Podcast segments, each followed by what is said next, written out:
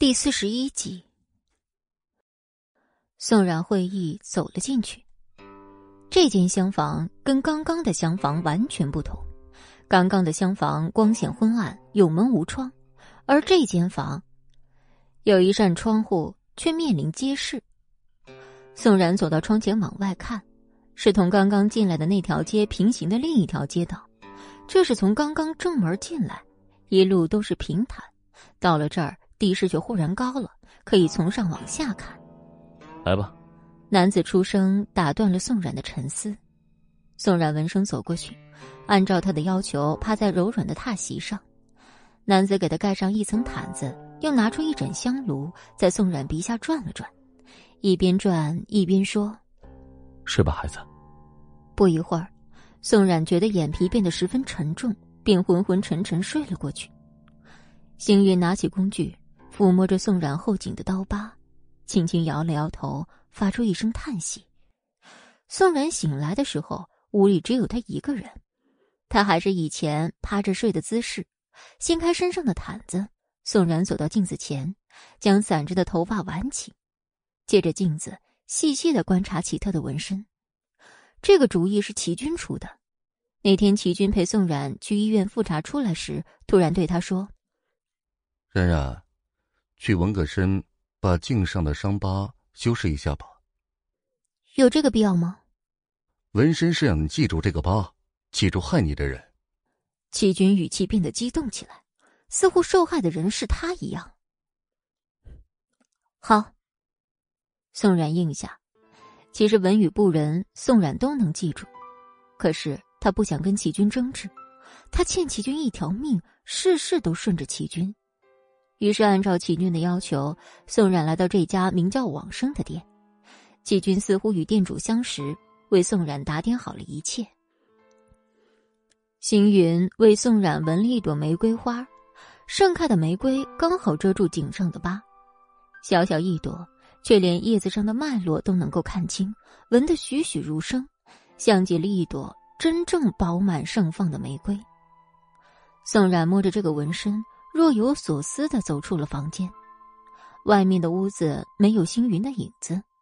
宋冉本想道个谢，打声招呼再走，既然人家不愿过多交流，只能作罢。走出店门的时候，天已经黑了。宋冉接到齐军的电话，晚上，季军邀请他去一家西餐厅共进晚餐。车子开出闹市，经过一家酒吧的时候，宋冉似乎看见。莫千行的身影一闪而逝，进了酒吧。再仔细看时，却没发现什么。宋冉揉了揉眼睛，嘴里发出一声嘲讽的笑。酒吧里，昏暗的包厢内，莫千行左手搂着一位红粉佳人，右手举着一杯红酒摇晃着，旁边还坐了几位身材丰满的美女。有人凑上来往莫千行嘴里送了一根烟，他用嘴叼住。另一边的美人便识趣的为他点上火。莫千行一会儿吞云吐雾，一会儿张嘴喝下佳人喂的酒。一个脸蛋清纯、身材却火辣的女人，手里捻着一颗葡萄，正准备往莫千行的嘴里送，手腕却突然被人捏住。司慕怒不可遏的抓住女人的手，用力一甩，瞪着她低喝道：“就你，也配吗？”那位喂葡萄的美人儿被司慕吓得往莫千行怀里钻，他贴着莫千行的胸口发嗲：“莫总，吓死人家了。”莫千行松开搂着的人，摇了摇手中的红酒杯，他抬起眸子，面无表情的说：“有事吗？”司慕将一个酒瓶猛地甩在地上，酒瓶碎片飞散四溅，吓得那些女人大叫着缩在角落里。都给我滚！司慕指着门，脸色十分愠怒。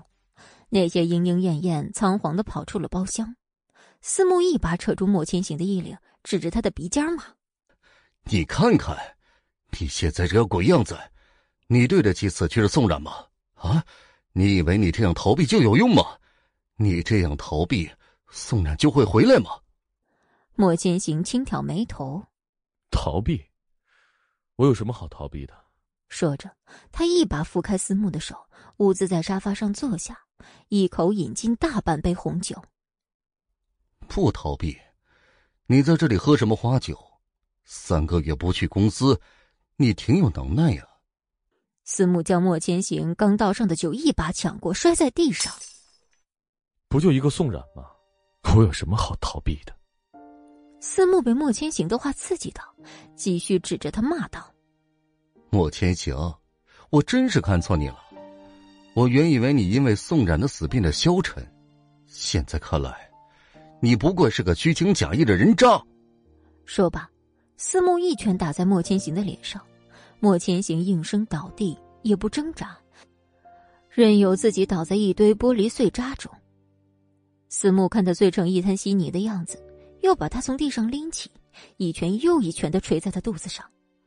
莫千行仍然不为所动。你难道不想知道，害死宋冉的凶手是谁吗？你难道不想替他报仇吗？你个孬种！莫千行这才抬头看了他一眼，可马上又垂下头去。他挣脱开思慕的手，走到旁边继续喝酒。废物！思慕气得急火攻心，他勾着身子咳嗽起来。而后将门一摔，走出了房间。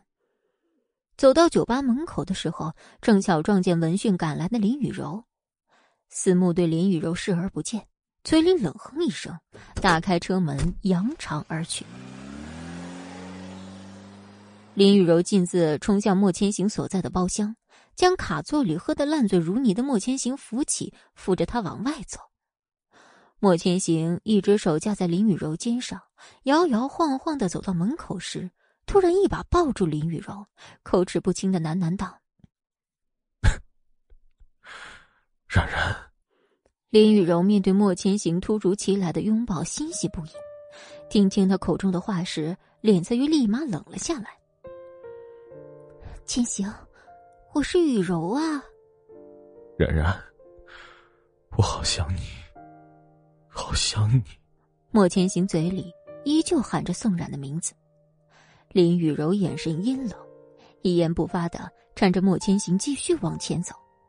过了一会儿，他突然想通一般，自言自语道：“我跟一个死人较什么劲儿啊？”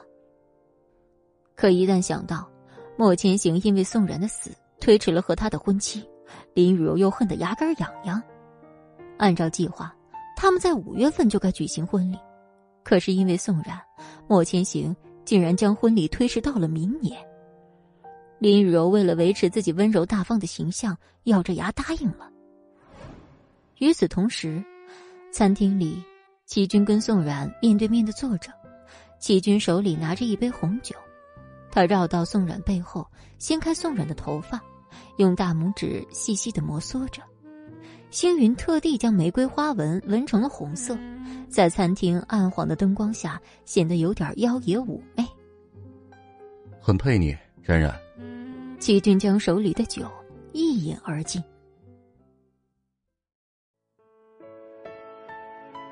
第四十二集，宋冉将手中的牛排切成小块，优雅的用叉子送入口中，而后端起手中的红酒杯。与齐军碰了杯。我母亲怎么样了？宋冉放下刀叉，将手平放在膝盖上，他盯着齐军问。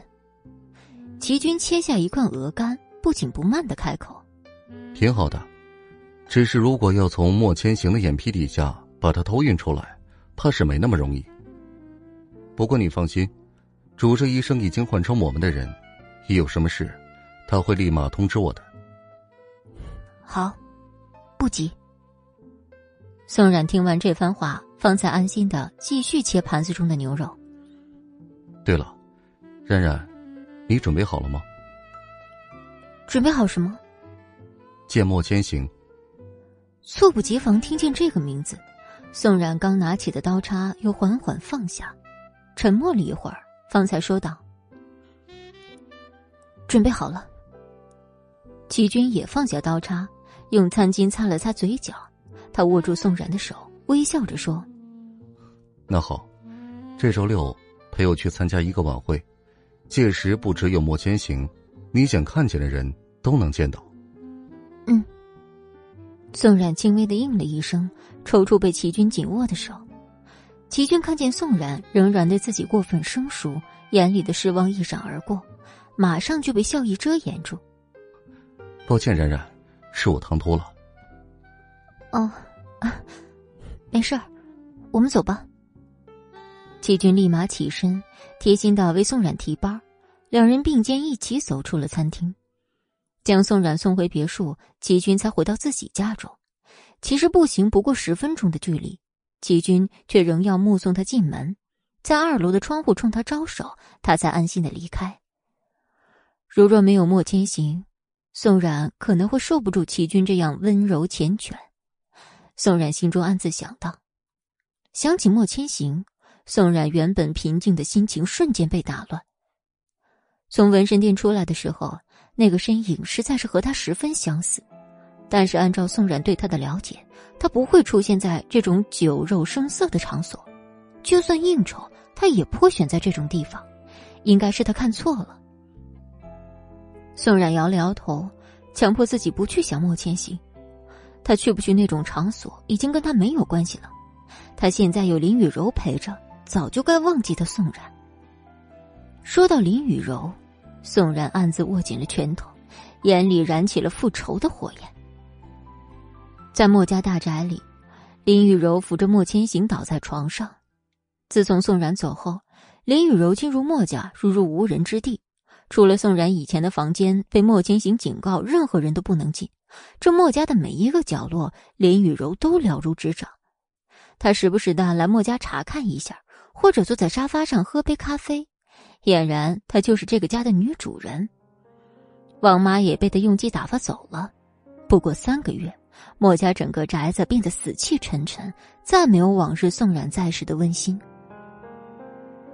莫千行倒在床上沉睡不醒，宋雨柔正准备起身离开，却又心生一计。她慢慢解开莫千行衬衫的扣子，再将自己脱得一丝不挂，故意扯碎了裙子扔在地上，然后慢慢的在莫千行身边躺了下来。莫千行第二天睁眼的时候，太阳已经非常刺眼。他抬起手臂，觉得自己嘴角异常疼痛，用手指摸了摸，就疼得更厉害。这思慕下手真狠。他正准备起身，却发现身边躺着的林雨柔，他太阳穴突突直跳。莫千行完全想不起昨晚发生了什么。林雨柔早就醒了，她一直佯装睡着，感觉到莫千行醒来后，她装作刚醒来的样子。手臂像水蛇一样缠上了莫千行的腰，他娇柔的开口：“千行，你昨晚真是太粗暴了。”莫千行赶紧拉起被子遮住林雨柔裸露的身体，自己则走进浴室冲凉。他看见镜子里自己脸上的伤，莫千行心中有些懊悔昨晚的放纵。他和林雨柔是否真的发生了关系？莫千行什么都想不起来。他走出浴室，莫千行发现林雨柔不知什么时候找出了一件莫千行的衣服，松松垮垮的套在身上。莫千行轻微的皱起眉头，似是有些嫌弃不相干的女人穿自己的衣服。林雨柔走上前，捧起莫千行的下巴，柔嫩的手指轻轻扶着他受伤的嘴角，突然就哭诉了起来。思慕昨晚也不知发什么疯，突然冲进酒吧打你。我赶过去的时候，在门口遇见他，他还凶我。我也不知道他为什么突然发狂，嘴里吵吵着：“宋冉这种叛徒死了就死了，有什么大不了的？”看着莫千行脸色越来越冷，林雨柔心里暗自得意，思慕如此不待见他。他自然而然的会挑拨他们的关系。最后，林雨柔又装作善解人意的样子说：“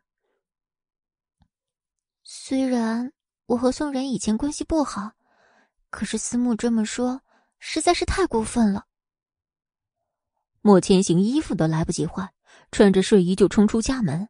“哎，千行，你去哪儿啊？你等等我！”林雨柔紧跟着追上去。莫千行一路风驰电掣的开车到了司慕家，十分粗暴的捶着大门。佣人一开门，他便冲上楼去，踹开司慕房间的门，将他从床上拎起，一拳挥倒在地。司慕在睡梦中被人重重打了一拳，立马就清醒了。瞧见是莫千行，司慕不怒反笑：“哟，什么风把莫大少吹来了？您不是忙着花天酒地吗？”莫千行的眼里怒火冲天，又挥起拳头砸向司慕。身后的林雨柔嘴角挂上一抹冷笑，他眼睁睁的看着两人扭打在一起，好一会儿才上前劝架。秦行，你冷静一下，思慕也是为了你好，你冷静一下嘛。莫千行心里怒火更甚，他绝不允许别人说宋然死了就死了，纵然自己心里骂宋冉千遍万遍，可是听见别人说宋冉，他却忍不了。就算是他从小一起玩到大的朋友思慕，三个月以来，他每每在夜里对宋冉的仇恨和想念交织在一起。让莫千行彻夜无眠，他装作毫不在乎宋冉的死，只有酒精才能让他在夜里入眠。他恨极了宋冉，却绝不允许别人诋毁他。莫千行又是一拳挥下去。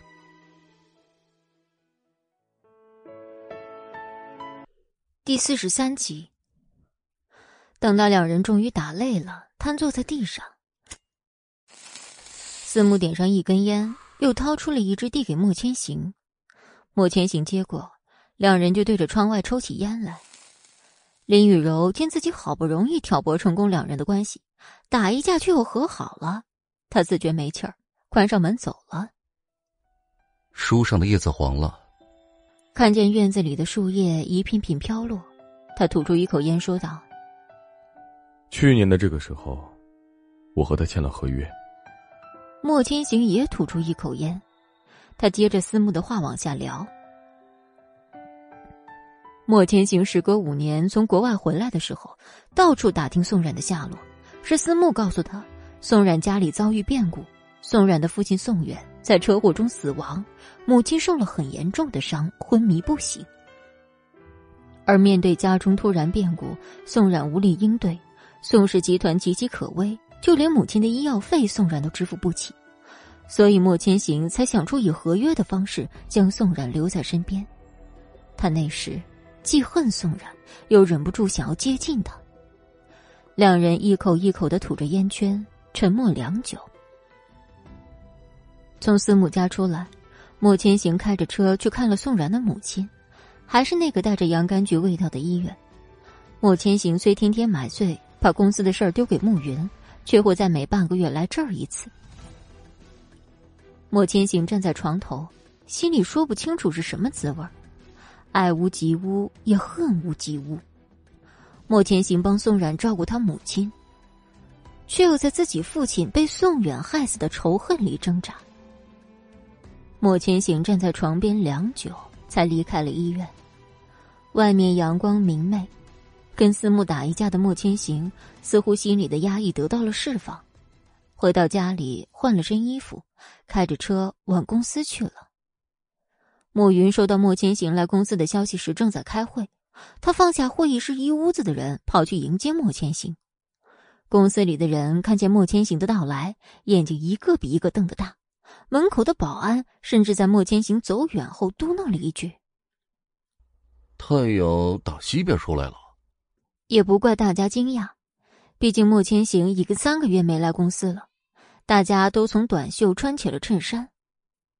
暮云站在公司大厅里，双手交握放在小腹，一众人整整齐齐跟在身后，恭候着莫千行的到来。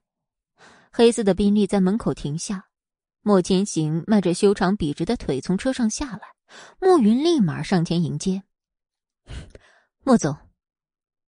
暮云微笑的叫了一声，习惯性的将莫千行的外套接过。公司怎么样？都挺好的，没什么大事，小事已经解决了。好。莫千行继续点头，表示对暮云工作的肯定。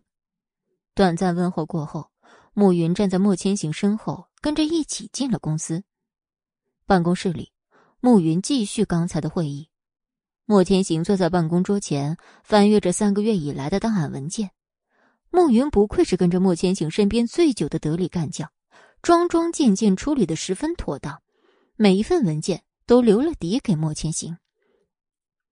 自从上次剽窃事件后，莫氏集团股票大涨，取代了骑士公司，一跃成为行业内的老大。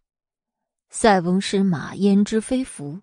祁连松反倒是搬起石头砸自己的脚。若不是因为祁连松亲自出来道歉且态度诚恳，骑士的下场怕是比现在更惨。莫千行将重要的文件翻阅了一遍，走向会议室。会议室门口，莫千行刚要推门进去。忽然听到里面似乎有吵闹声，便停住推门的动作，站在门口听起墙角来。穆秘书啊，你不过是一个小小的秘书，凭什么站在这里指挥我们？大家说是不是啊？是啊，是啊，就算莫千行他授权于你，你也是代替不了他的。就是嘛，依我看呀，这会议的决定权按股权多少来决定，谁股权多，谁说了算。几个董事你一言我一语，当众给慕云难堪。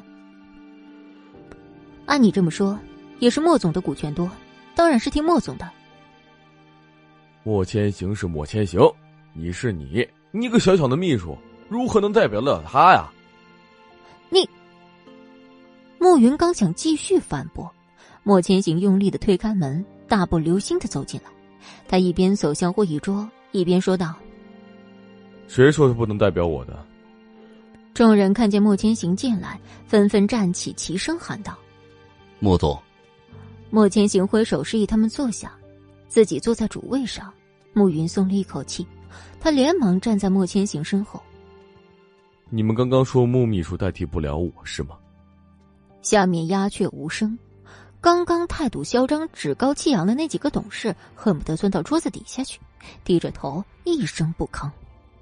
我现在宣布一件事情。莫千行突然双手撑着桌子站起来，大家纷纷侧目的看着莫千行。我宣布，现在我要把百分之八的股份转送给莫云小姐。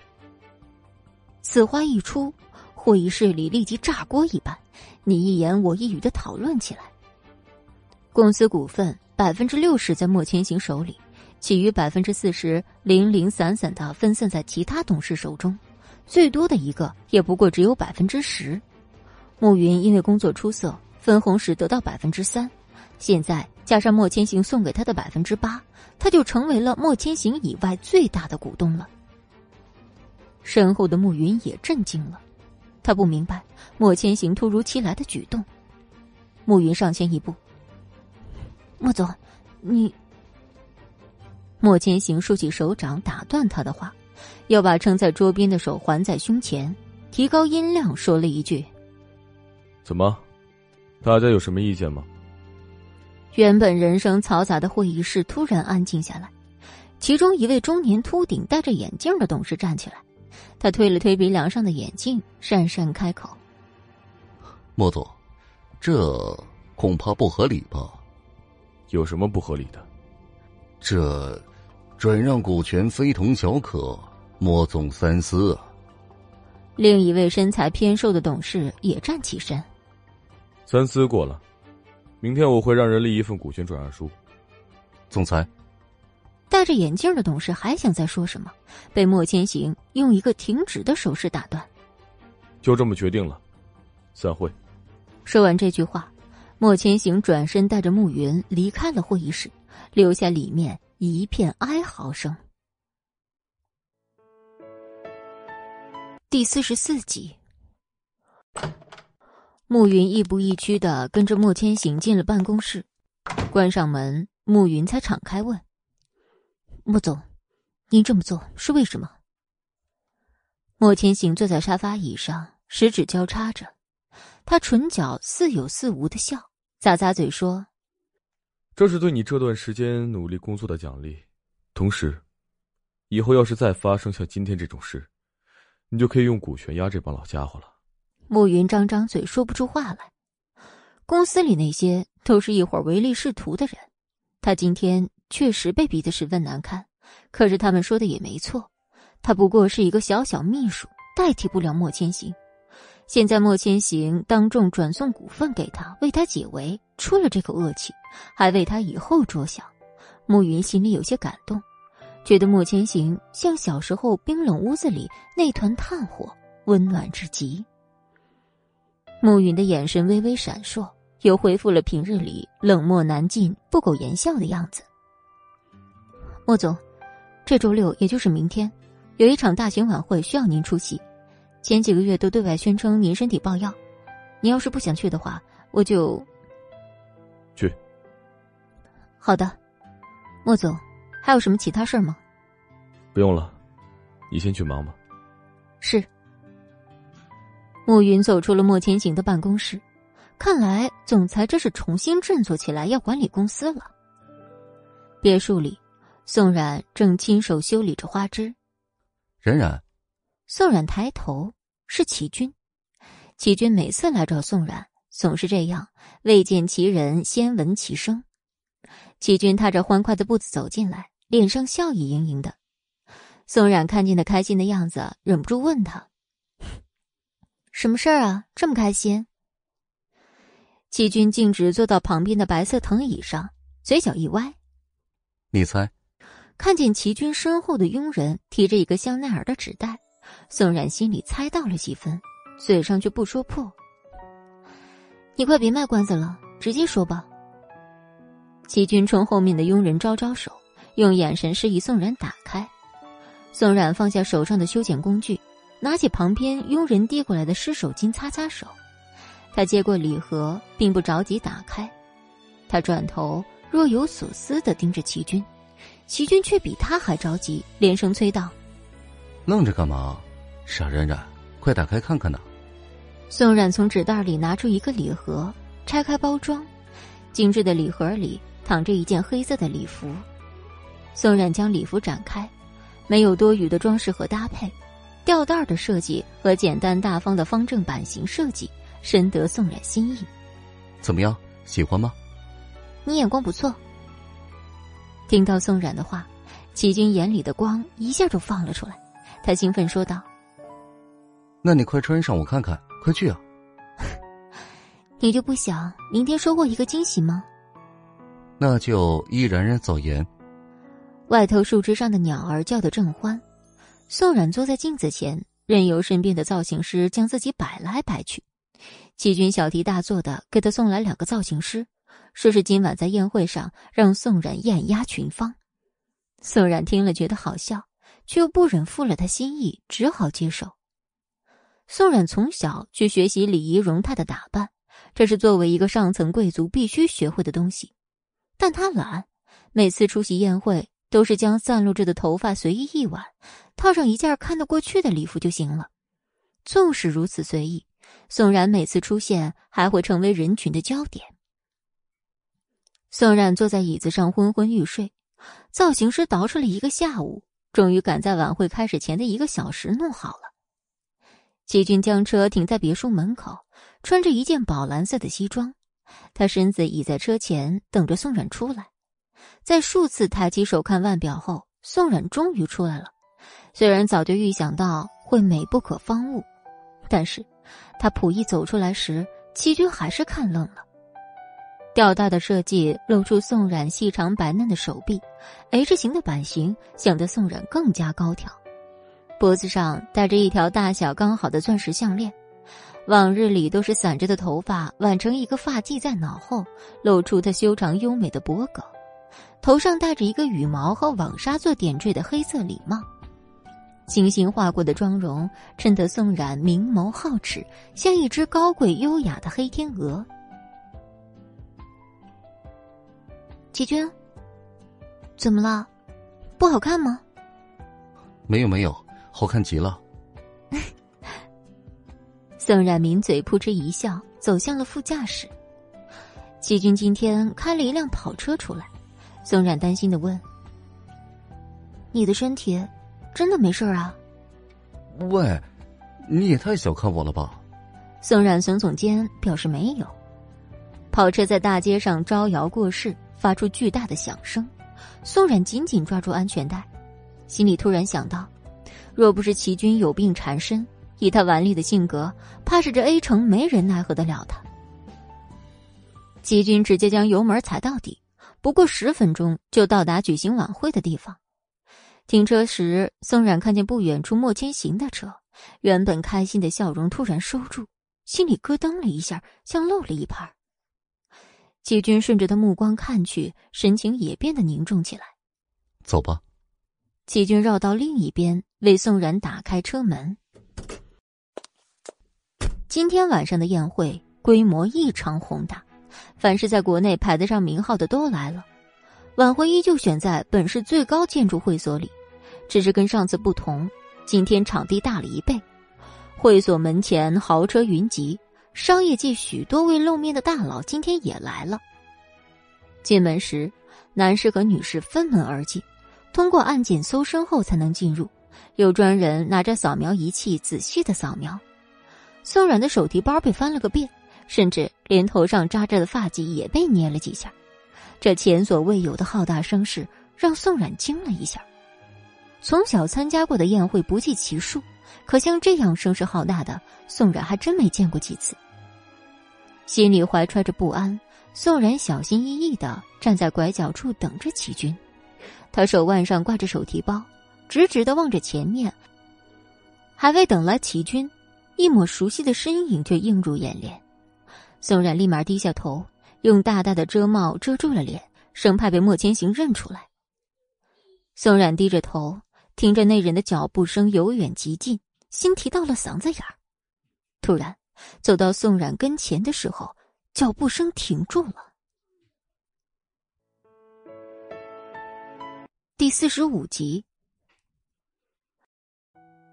莫千行从门口进来的时候，一眼就看到拐角处的人，他低着头，似乎在刻意躲避着什么，那身影像极了他。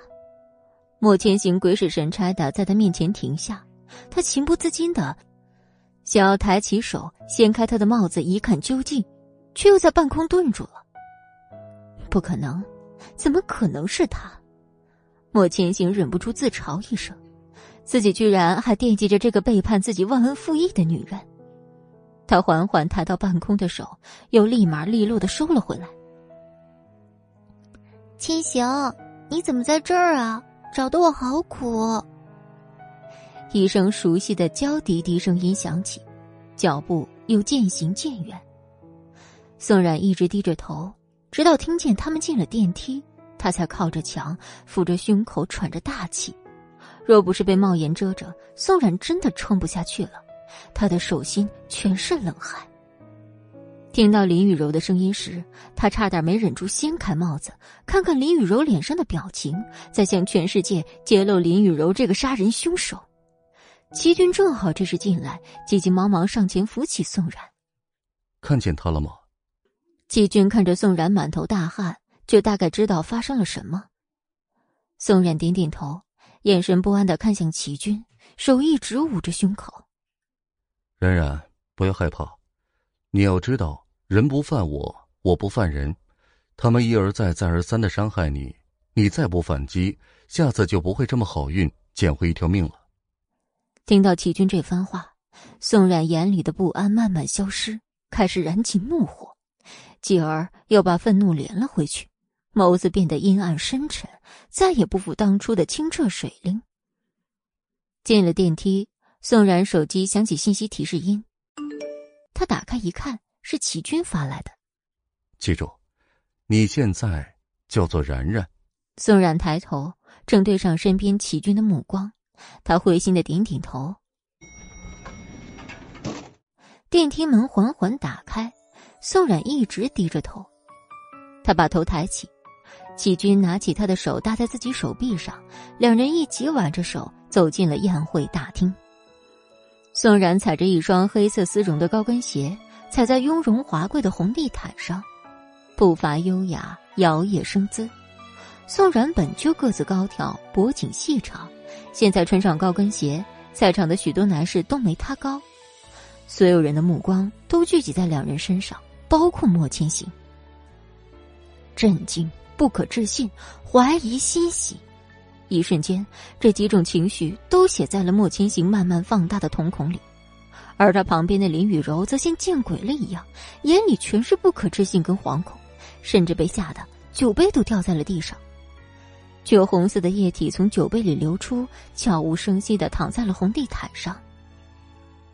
宋冉对上两人不可置信的目光，向他们报以礼貌的微笑。宋冉嘴角的弧度刚刚好，礼貌却带着疏远，这是陌生人之间那种第一次见面的微笑。宋冉挽着齐军的手，故意从他们面前经过，走到林雨柔面前时，宋冉左手提着裙边，缓缓蹲下。右手捡起地下的那只红酒杯，他再缓缓起身，将酒杯放回林雨柔手上。这位小姐，你酒杯掉了。宋冉笑得优雅迷人，林雨柔站在原地，紧张的动弹不得，小腿微微打颤，而旁边的莫千行同样呆若木鸡，眼神望着全方向，丢了魂儿似的。先生小姐，你们没事吧？需要帮忙吗？两人毫无反应。这时，齐军开口说话：“好久不见的莫大少爷。”“哦，你们认识啊？”“岂止认识，我们可是有过生死之交的人。我说的对吗，林小姐？”林雨柔的脸像调色板一样，精彩极了。看来两位是闹了不愉快呢。那我们就先走了。季军找了个借口。带着宋冉钻进了人群中，消失了。再不离开，自己的手怕是要被宋冉掐废了。宋冉回头看了一眼，莫千行挺着僵硬的背影，一直愣在原地。待他们走远，林雨柔松开莫千行的手臂，慌慌张张的跑走了。莫千行无心去管林雨柔怎样，他的大脑一片空白。这不可能，宋冉已经死了。自己亲手送去火化，亲手撒的骨灰，这不可能，不可能的。莫千行满脑子都是“不可能”三个字，而另一边的宋冉后背紧张的出了一身冷汗。三个月不见，莫千行消瘦了不少，整个人好像死气沉沉的，眼神比以前更加冰冷了。宋冉心里荡起一层涟漪。忽而又想起莫千行那晚的一巴掌，宋冉仅剩的情谊也随着那一巴掌被打落在地，再也捡不起来了。重新调整好自己的心情，宋冉又走进了大厅。齐少，这位是？即便被齐军挽着胳膊，还是有人过来想跟宋冉搭讪。一人开口，几个人围在身边附和着说道：“哎，是啊，齐少，介绍一下呀。”齐军端起酒杯，摇晃着。慢悠悠的开口：“这是我的未婚妻。”未婚妻？哎，我可从未听过齐少有什么未婚妻，该不会是金屋藏娇吧？是啊，向来潇洒的齐少，怎么突然多出一个未婚妻来？该不会是诓我们吧？我齐军何时诓过你们？说了是未婚妻，就是未婚妻。齐军被问的有些烦躁，语气中带着不耐烦。众人见齐军不愿多说，自讨没趣的乖乖闭嘴，却突然又一个声音响起：“既然这样，齐大少爷何不正式向我们介绍一下呢？”宋然后面一凉，这声音的主人他再熟悉不过了。一直坐在角落的莫千行忽然说话了，众人循声望去，见是莫千行，纷纷为他让出一条道来。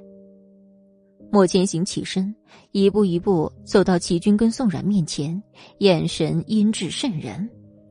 齐军似是早有打算一般，声音平稳的说道：“那我现在正式向大家介绍一下，这是我的未婚妻，宋然然。”宋然然。莫千行突然凑到齐军面前，表情扭曲的重复了一下这个名字。我知道莫总想到了什么，我可以很明确的告诉你。不是，两人挨得十分近。齐军用几乎只有两人能听到的音量说完这句话后，巧妙的拉着宋冉的手退后一步，拉开跟莫千行的距离。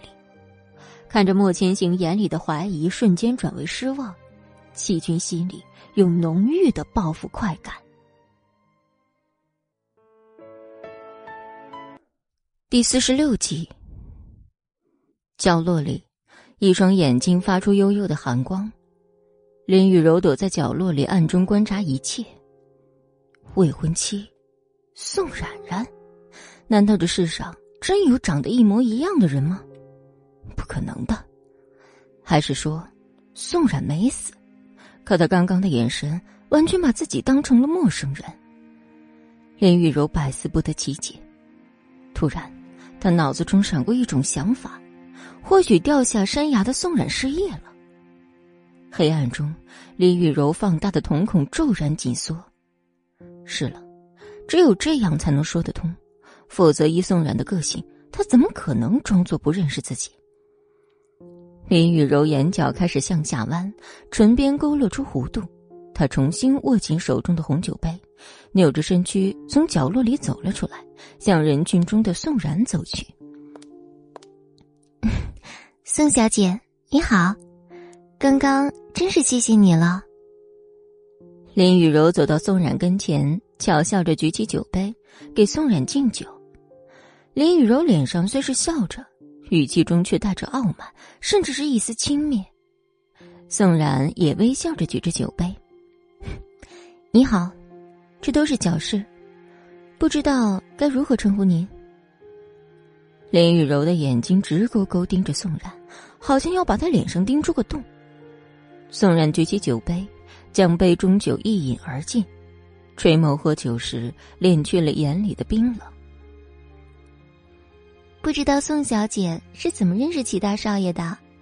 你可不知道，这 A 城。有多少人家翘首企盼着这齐大少爷的眷顾呢？宋小姐，你可要把他看紧了。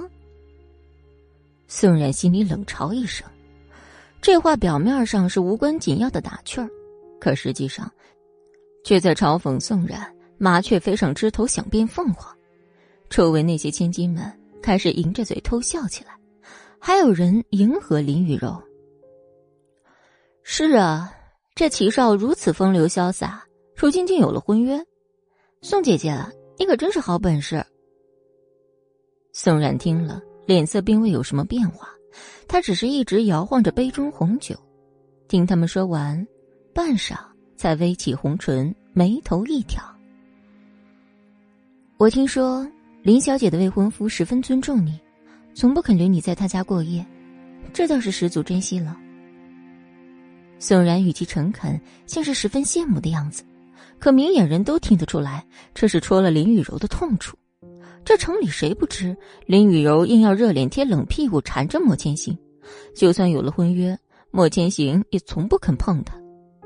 对于林雨柔来说，这无疑是奇耻大辱。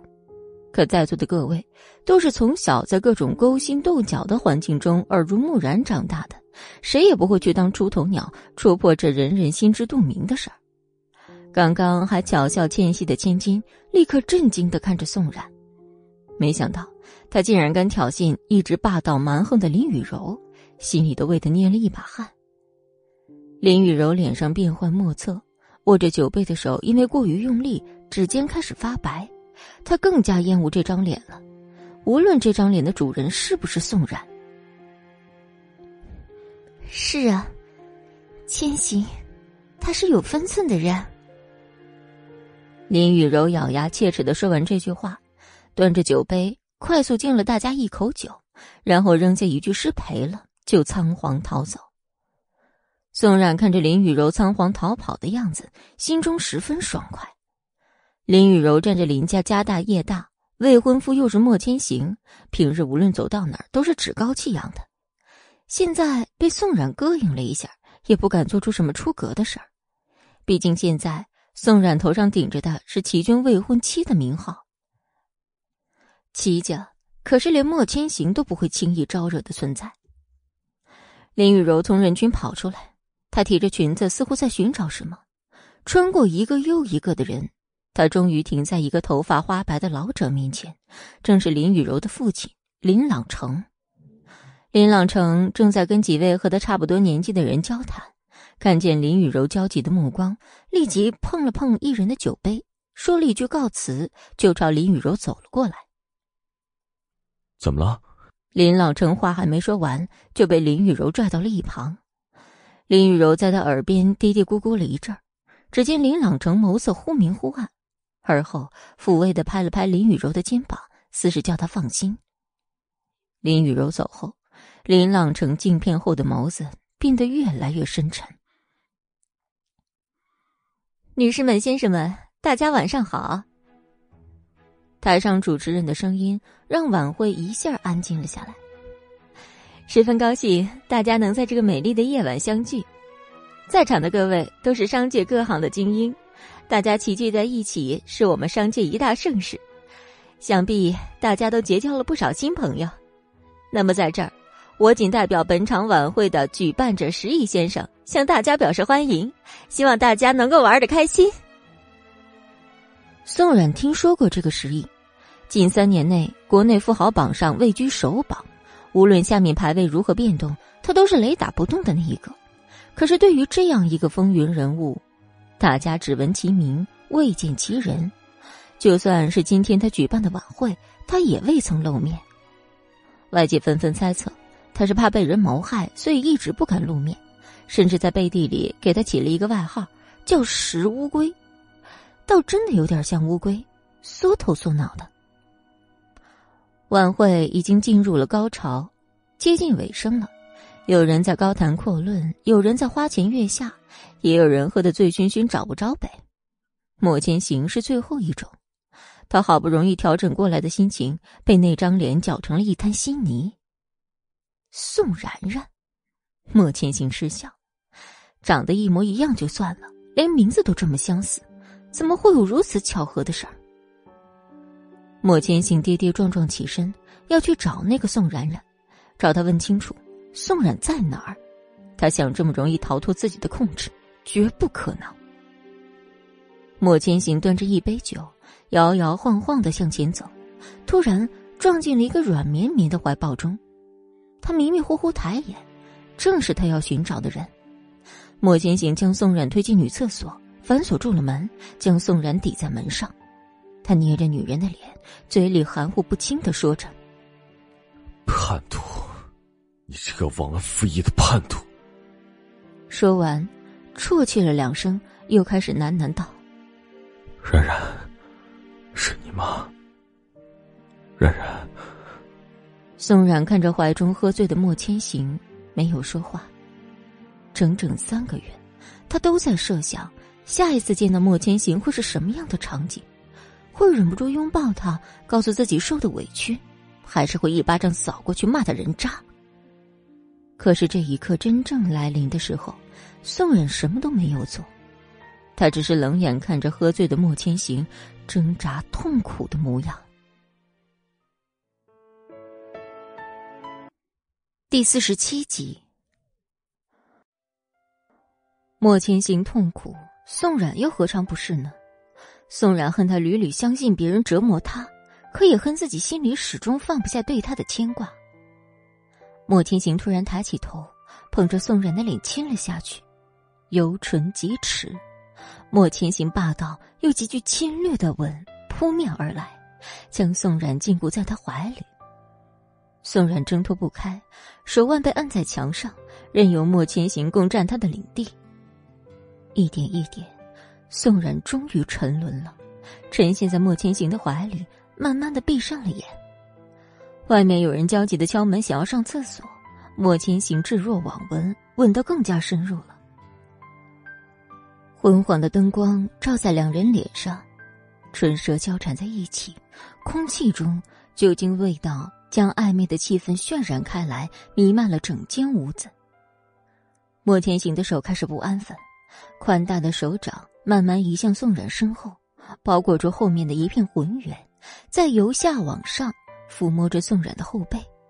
宋冉忍不住呻吟出声，马上又被莫千行的嘴堵上。旁边洗手池里，水一滴一滴的滴在台面上，声声入耳。宋冉终于清醒过来，他一把推开莫千行，打开门，仓皇的逃了出去。经过女士专用化妆间的时候，宋冉走进去。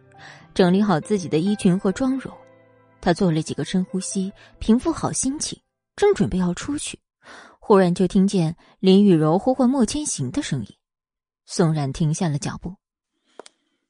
千行，你在哪儿呢？千行。林雨柔踩着高跟鞋的声音在空旷的走廊里分外刺耳。千行，你听到了，回答我一声呀。林雨柔的声音往厕所那边去了。宋冉在化妆间的视觉角度刚好可以看见厕所门口，他躲在门背后暗中观察。哎，千行。林雨柔发现躺在厕所门口醉得一塌糊涂的莫千行，立马蹲下身想扶他起来。然而林雨柔蹲下，却看见莫千行嘴上衬衣上口红的痕迹。他刚拿起莫千行的胳膊，林雨柔又一把摔下。他气愤的瞪着莫千行，林雨柔噌的一下起来，挨个踹开厕所的门，嘴里喊着：“出来，小贱人，你给我出来！我林雨柔的人你也敢抢？”你好大的胆子！门被踹得砰砰作响，隔着几米远的距离，宋冉都听见了。宋冉环着胸，静静的看着林雨柔的愤怒。每一个隔间都被打开，除了水滴声，再无其他的声音。林雨柔蹲在莫千行身边，看着衣服上的口红，眼光发狠。好不容易赶走了宋冉，不知道又是哪个不长眼的勾到了莫千行。没有抓到人，他只好作罢，蹲下将喝醉的莫千行扶走。宋冉看着他们走远后，才从门后出来，正巧撞见来寻他的齐军。齐军看向他，声音有些急切：“你上哪儿去啊，冉，冉冉？”“哦，我在这补一下妆。”宋冉隐瞒了刚刚的事儿，他眼神有些闪烁。齐军担心他又出了什么事儿，急得到处找。现在看宋冉好好的站在这儿，松了口气，并未注意到宋冉眼里的闪烁。宋冉从化妆间出来，晚会已经进入了尾声，大家纷纷开始散场。他和齐军跟着人流往电梯方向走，因为人太多，所以会所的人决定抽号分流走。宋冉抽到六号，和齐军不在同一个号。齐军找遍全场换了一个六号，才跟宋冉一起走的。宋冉看着齐军满头大汗的样子，心里有些愧疚。他总是这样，像青春期笨拙的男孩子，倾尽所有对自己喜欢的女孩子好。如果宋冉十八岁，他可能会深受感动。可是，宋冉已经二十五岁了，他心里觉得除了亏欠齐军的好，再无其他感情。等母亲的事情处理好，他就找个机会报答他。宋冉心里这么想着，挽着齐军的手走进了电梯。进了电梯，宋冉和齐军都愣住了。电梯里除了他们两人，都是老熟人：齐军自己的父亲齐连松，宋雨柔的父亲林朗成和他那个蛮横无理的妈妈。电梯里的气氛一度非常尴尬。本来林朗成相谈甚欢的祁连松看见齐军身旁的宋冉，脸上的笑立马凝固住，他转而把头侧向一边，冷哼了一声。齐军拉着宋冉的手要往外走，宋冉拍了拍手背，宽慰了他一下，用眼神示意他没事儿。电梯缓缓下降，林雨柔的母亲一直冲宋冉翻白眼儿，宋冉也没理会，这么多苦都熬过来。怎么会把几个白眼放在心上？电梯门一打开，齐军连招呼都没同祁连松打，径自带着宋冉上车走了。而身后的祁连松和林朗成望着两人远去的背影，沉默良久。齐老兄，你可打探清楚了，这个人是不是那天坠崖的女人？祁连松叹了口气：“林兄赎罪，这件事我还会调查清楚。”那齐兄可要抓紧了啊！不要让一个无关紧要的女人毁了我们的计划。祁连松点点头，两人道别后分别坐上了各自的车。齐军将宋冉送回了别墅，又在里面小坐了一会儿。进了客厅，宋冉去厨房冲了一杯蜂蜜水给他。晚会应酬，像齐军这样不在商场上混的，都喝得有些意志不清了。宋冉轻轻叹口气。想起喝得烂醉如泥的莫千行，也不知被灌了多少酒。齐军酒劲上来，硬要拉着宋冉去放烟花。宋冉被气得发笑，用手掌拍了拍齐军的脸，说：“你清醒一点，哪有烟花呀？”齐军抓住宋冉的手，猛地把他拉到跟前，然后邪魅一笑，含糊不清的说：“有啊，冉冉的眼睛里有烟花。”宋冉无奈的摇摇头，将齐军安置在沙发上。给他盖上一条毯子，上楼睡觉去了。墨家，林雨柔将莫千行送回墨家后，被林朗成亲自接走了。莫千行一个人睡在沙发上，佣人们也不敢上前叫醒，只好任由他睡死在沙发上。只有十一走到他面前，舔了舔他垂在沙发边缘的手，好似在安慰他。半夜，莫千行觉得口渴难耐，挣扎着起身跑向厨房喝水。咕噜咕噜灌下两大杯水，莫千行的意识开始清醒过来。他想起酒会上遇见的宋冉，莫千行怀疑自己是不是在梦里。第四十八集，打开客厅的灯，低坐在沙发里，墙上的挂钟指向了数字三。莫千行掏出手机，拨打了一个电话，一阵忙音后。电话终于被接起，喂。电话那头传来思慕慵懒含糊的回答：“我见到了宋冉。”睡梦中的思慕被莫千行的话吓得一激灵，他爬起来打开房间的灯，然后骂骂咧咧的说道：“大哥，你给我讲鬼故事呢？是真的，在宴会上长得一模一样。你喝酒了吧？你出现了幻觉。晚安，我要睡觉了。”她现在是齐军的未婚妻，叫宋冉冉。那大概只是真的长得像罢了。齐军入了魔，找了一个替代品。你别忘了，我们当初可是拿到了 DNA 报告的。别乱想了。下次我找个机会带你见见。说完这句话，莫千行挂断电话。是啊，当初那具尸体检测出来的 DNA 就是宋冉没错。那今晚出现的那个女人是谁呢？为什么名字也相差无二？难道说真的像他说的那样，齐军走火入魔，找了一个替代品？莫千行翻来覆去的想，终于又在沙发上沉沉睡去。夜慢慢退场，天空悄悄拉开帷幕，将碧蓝的天空绽露出来。月亮还挂在天上，太阳又从另一边探出半个头来。宋冉坐在阳台上。一夜未眠，他看着天色渐明，看着日月同辉，看着发白的天际渐渐被披上了朝霞的赤红色。宋冉记得，上一次看见这样的景色，还是他上高中的时候。宋家的大小姐宋冉，放着国外的大学不念，非硬着头皮选择读国内的高三，每天起早贪黑也不让人送，因为他要坐在莫千行的自行车后面，踏着清晨的第一缕阳光去上学。怀里揣着妈妈给做的热乎乎的早餐，有两份，一份是他自己的，一份是给莫千行的。宋冉扎着马尾，露出光洁的额头，站在清晨习习的凉风里，等待他的少年。每次莫千行在拐角处，就开始摁响单车的铃铛，宋冉听见铃声就开始笑起来。就这样，相安无事的过了一个学期，两家的父母也纵容着他们。与其说纵容，不如说默许。毕竟两家门当户对，宋冉跟莫千行也十分出色，符合双方家长的心意。可是上天似乎总不允许十全十美的事情发生。高三下学期，莫家出事儿了，莫千行失踪了，宋冉独自熬过了整个大学时期。宋冉原本以为莫千行失踪后的那段日子是他人生中最煎熬的日子。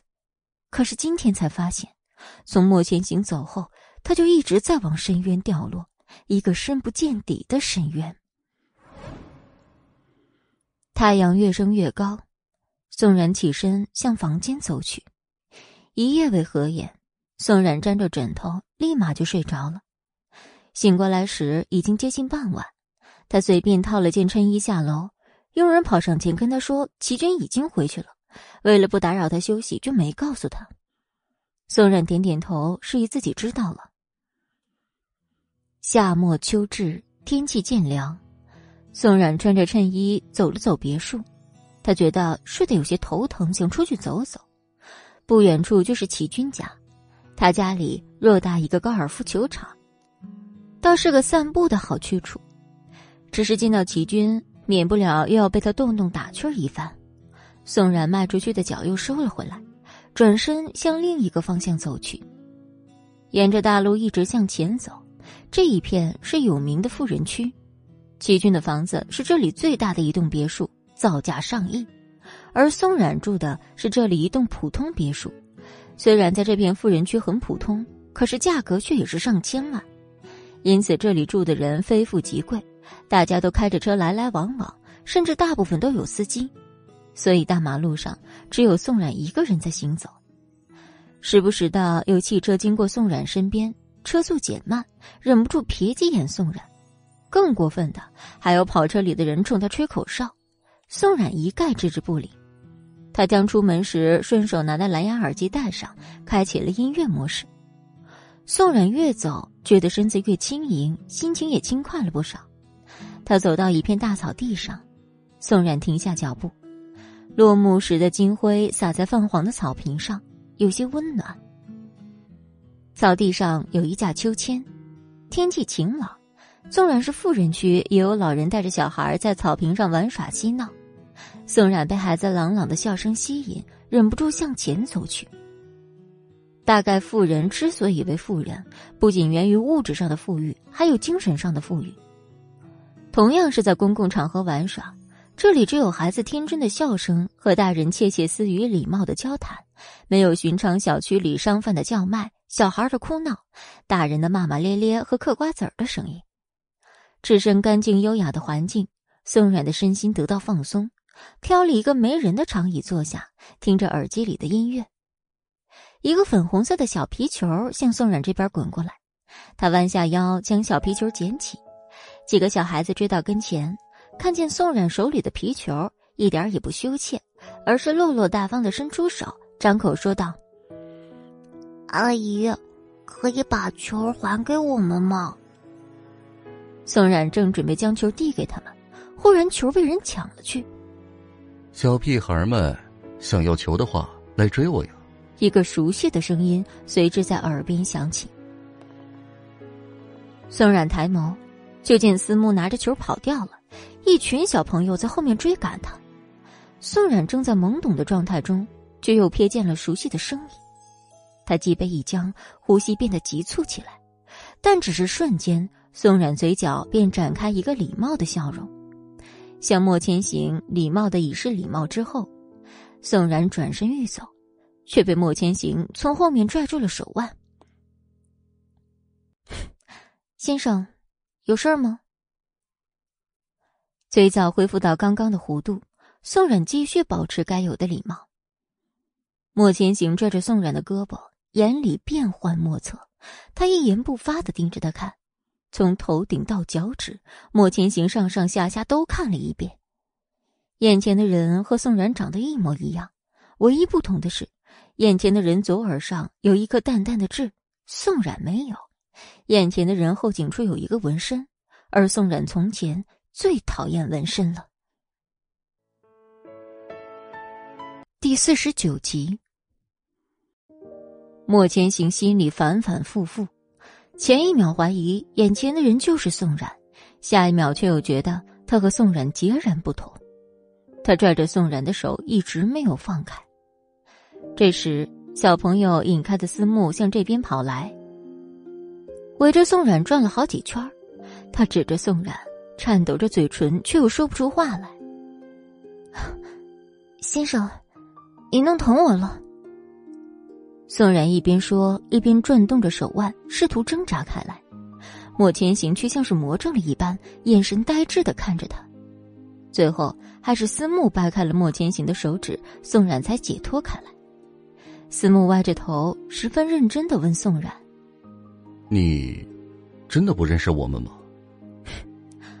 我应该认识你们吗？”“呃，对啊，呃，不是。”思慕自己的嘴语无伦次起来。宋冉侧着头看着那群无忧无虑的小孩，故意露出脖梗的纹身。或许，两位是认错人了吧？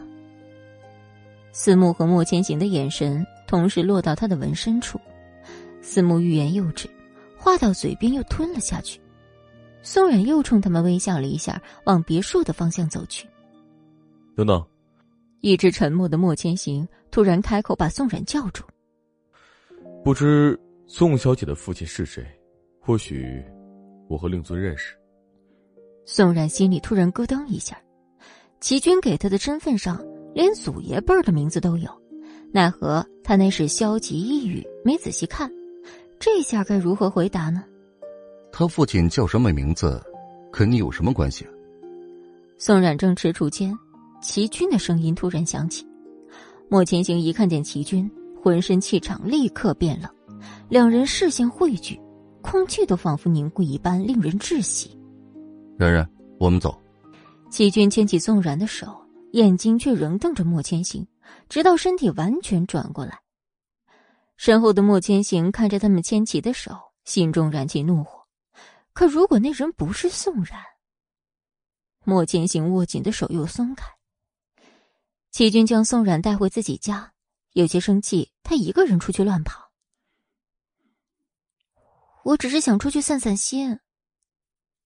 齐军坐在沙发上生闷气，不过一会儿又委委屈屈的道：“今天如果我不及时赶到，那我们所做的一切都露馅了。”宋冉点点头，他说的有道理。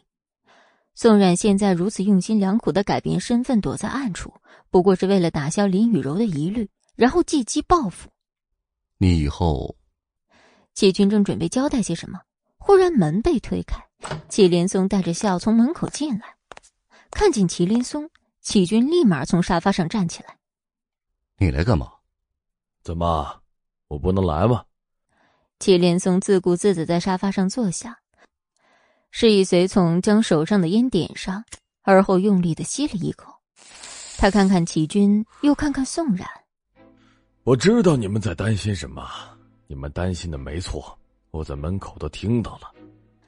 祁连松在这儿的时候，刚刚碰见齐军急冲冲出门寻找宋冉，不一会儿就见齐军拉着宋冉的手回来。齐军低着头，脚步匆匆，完全没有注意到不远处的祁连松。所以他们进屋后，祁连松也向屋子走来，恰好听到他们的对话。你，季军怒火正要发作，被呛了两口烟，拱着背剧烈咳嗽起来。祁连松见状，掐灭了烟头。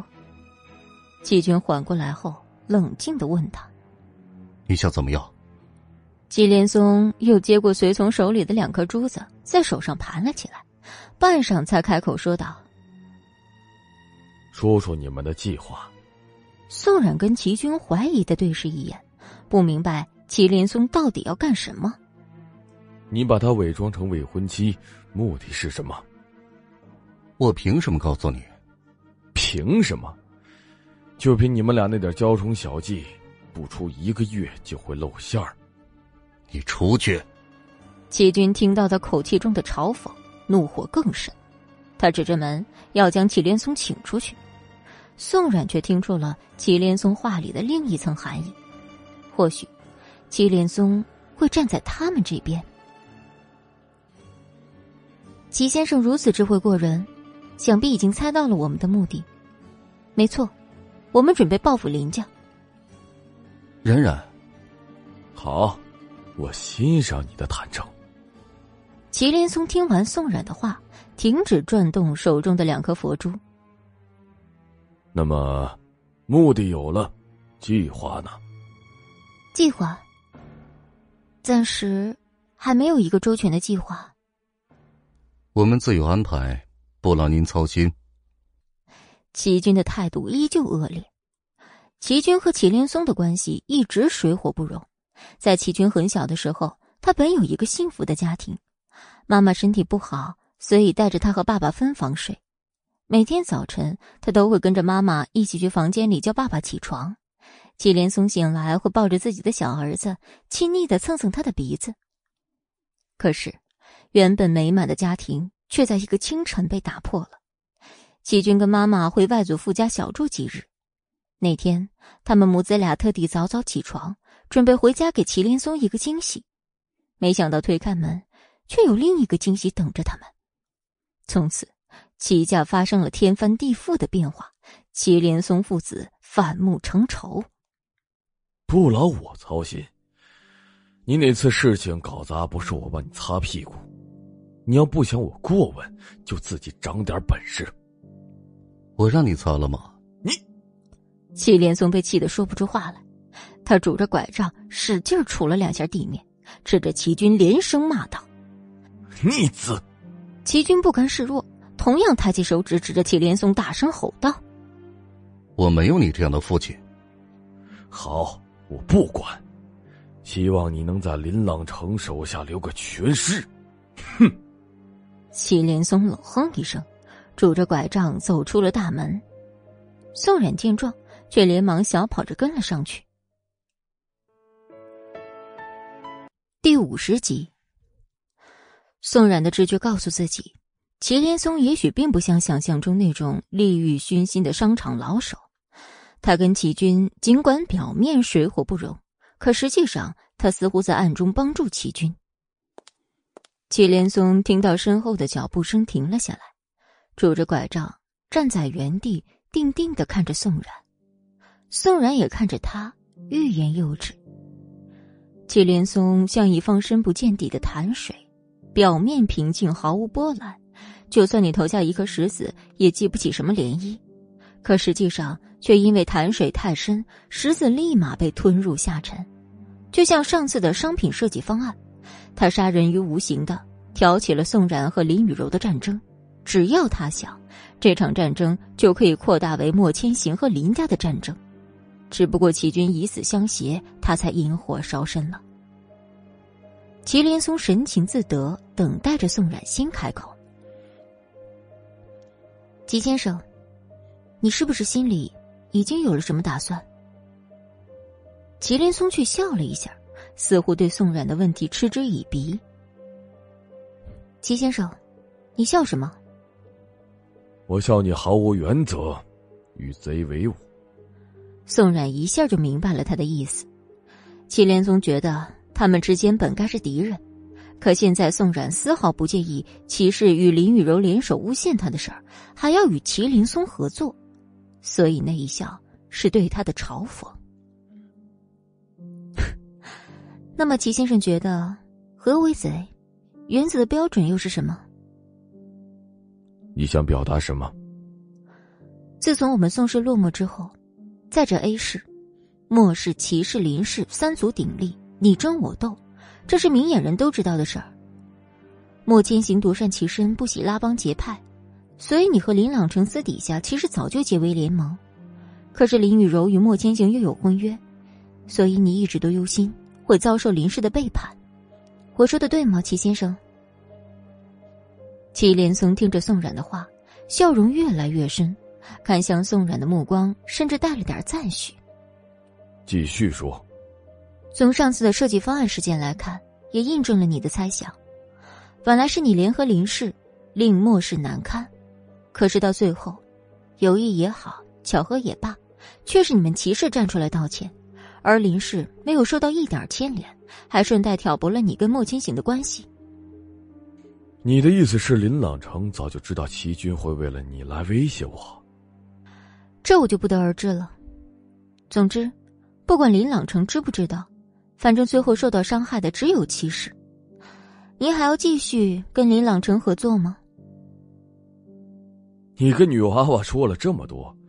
就是为了挑唆我和林朗城的关系，然后来帮助你报复林氏吗？可是，我说的也不无道理，不是吗？你还是太年轻啊！商场上只有永远的利益，没有永远的朋友。你又怎么知道我和林朗成就是真心合作呢？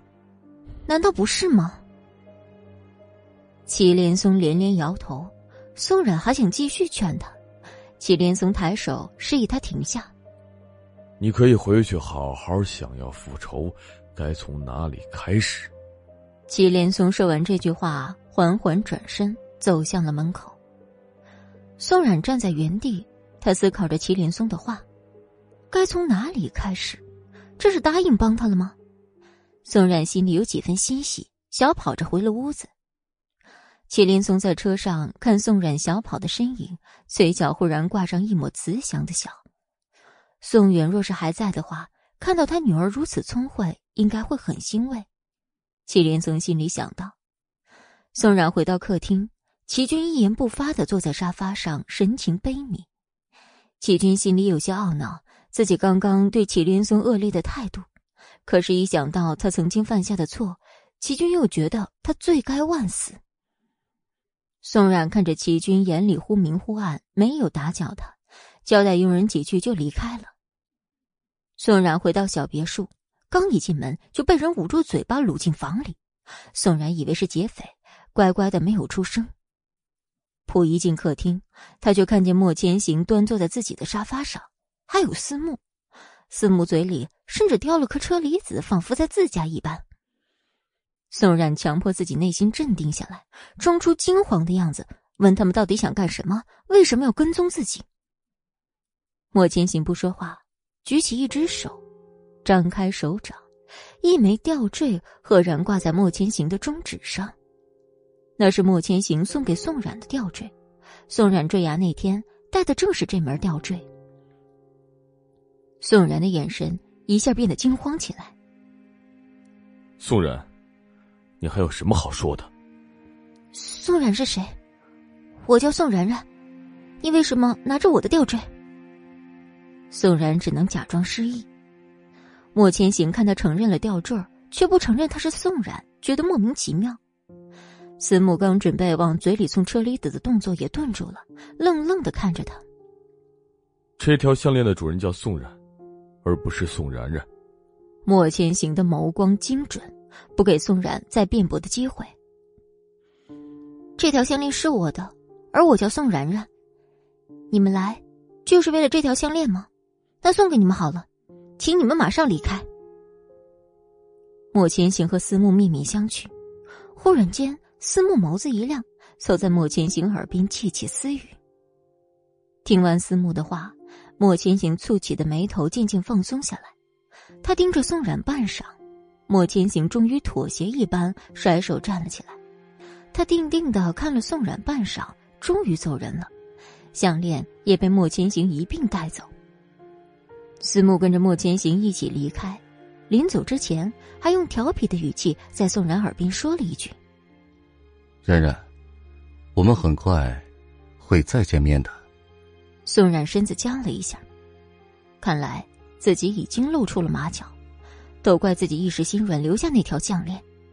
等听到外面响起汽车发动机的声音，宋冉才松了一口气，跌坐在沙发上。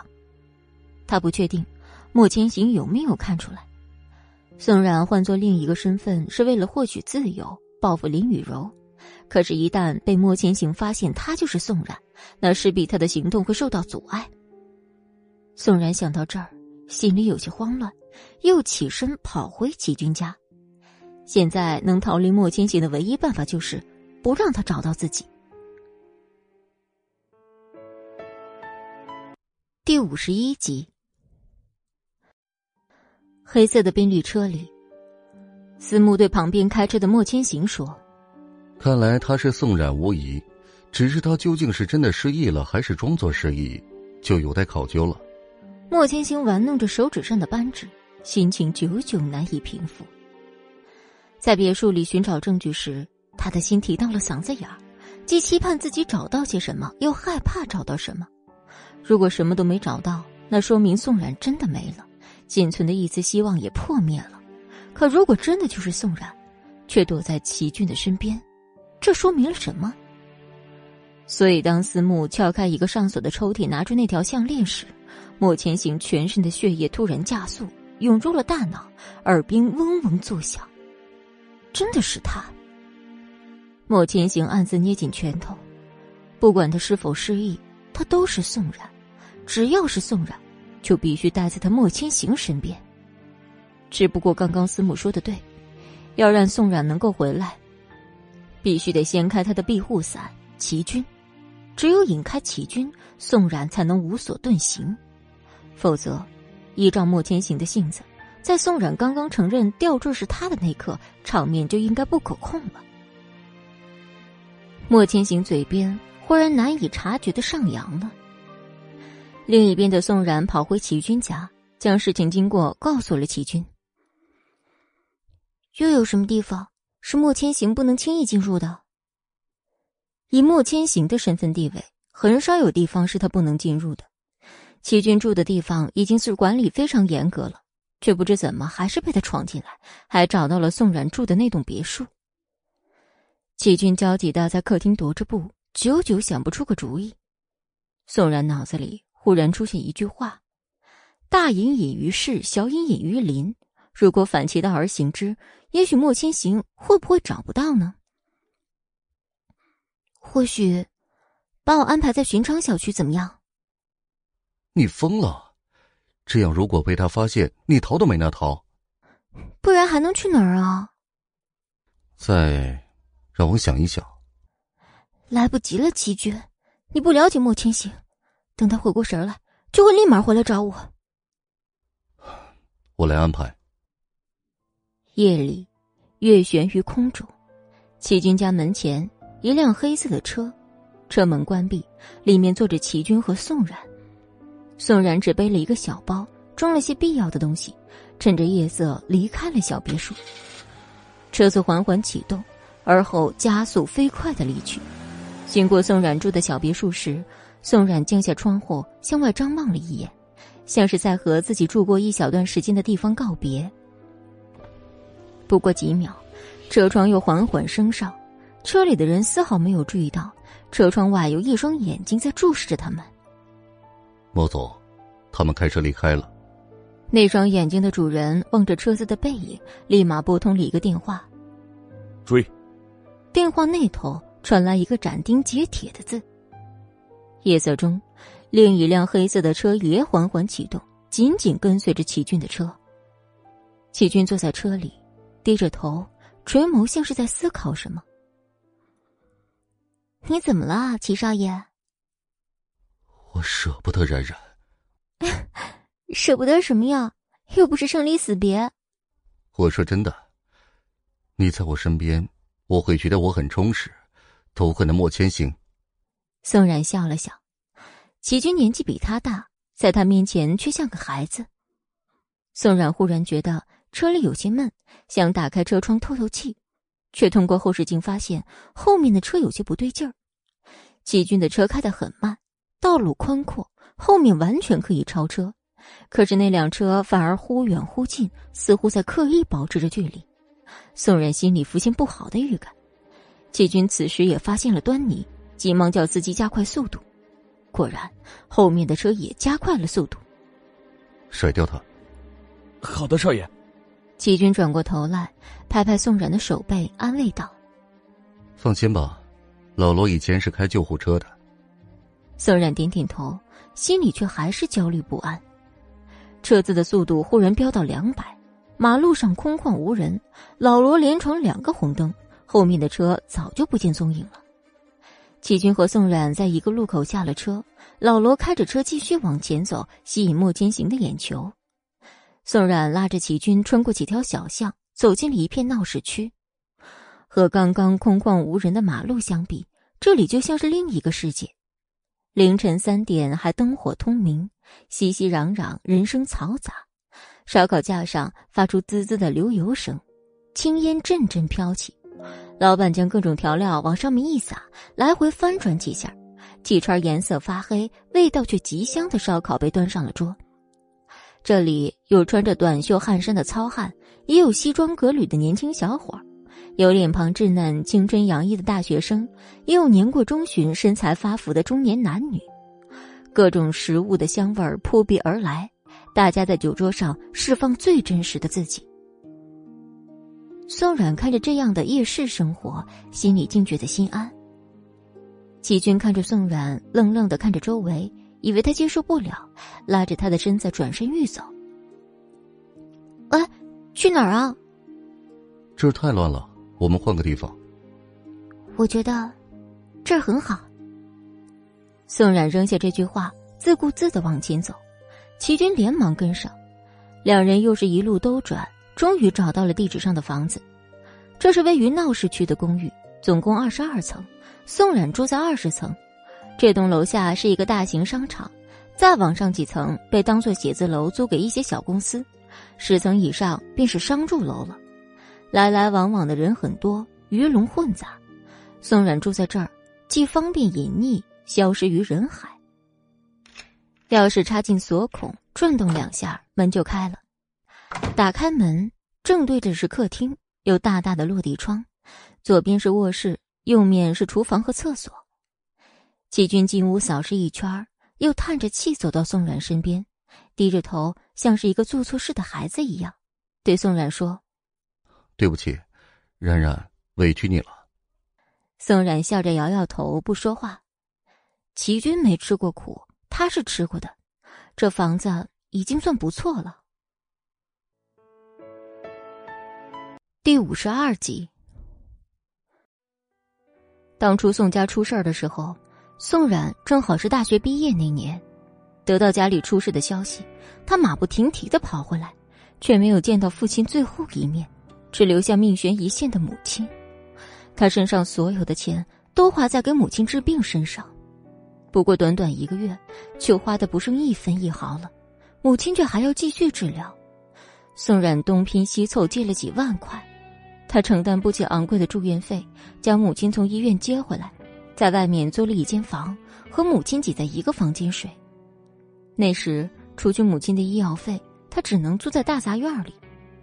脱落的墙壁、坏掉的门窗，宋然每天夜里睡得心惊胆战。那里的环境比现在差太多太多，即使只有半个月，也足够让宋冉刻骨铭心的记着。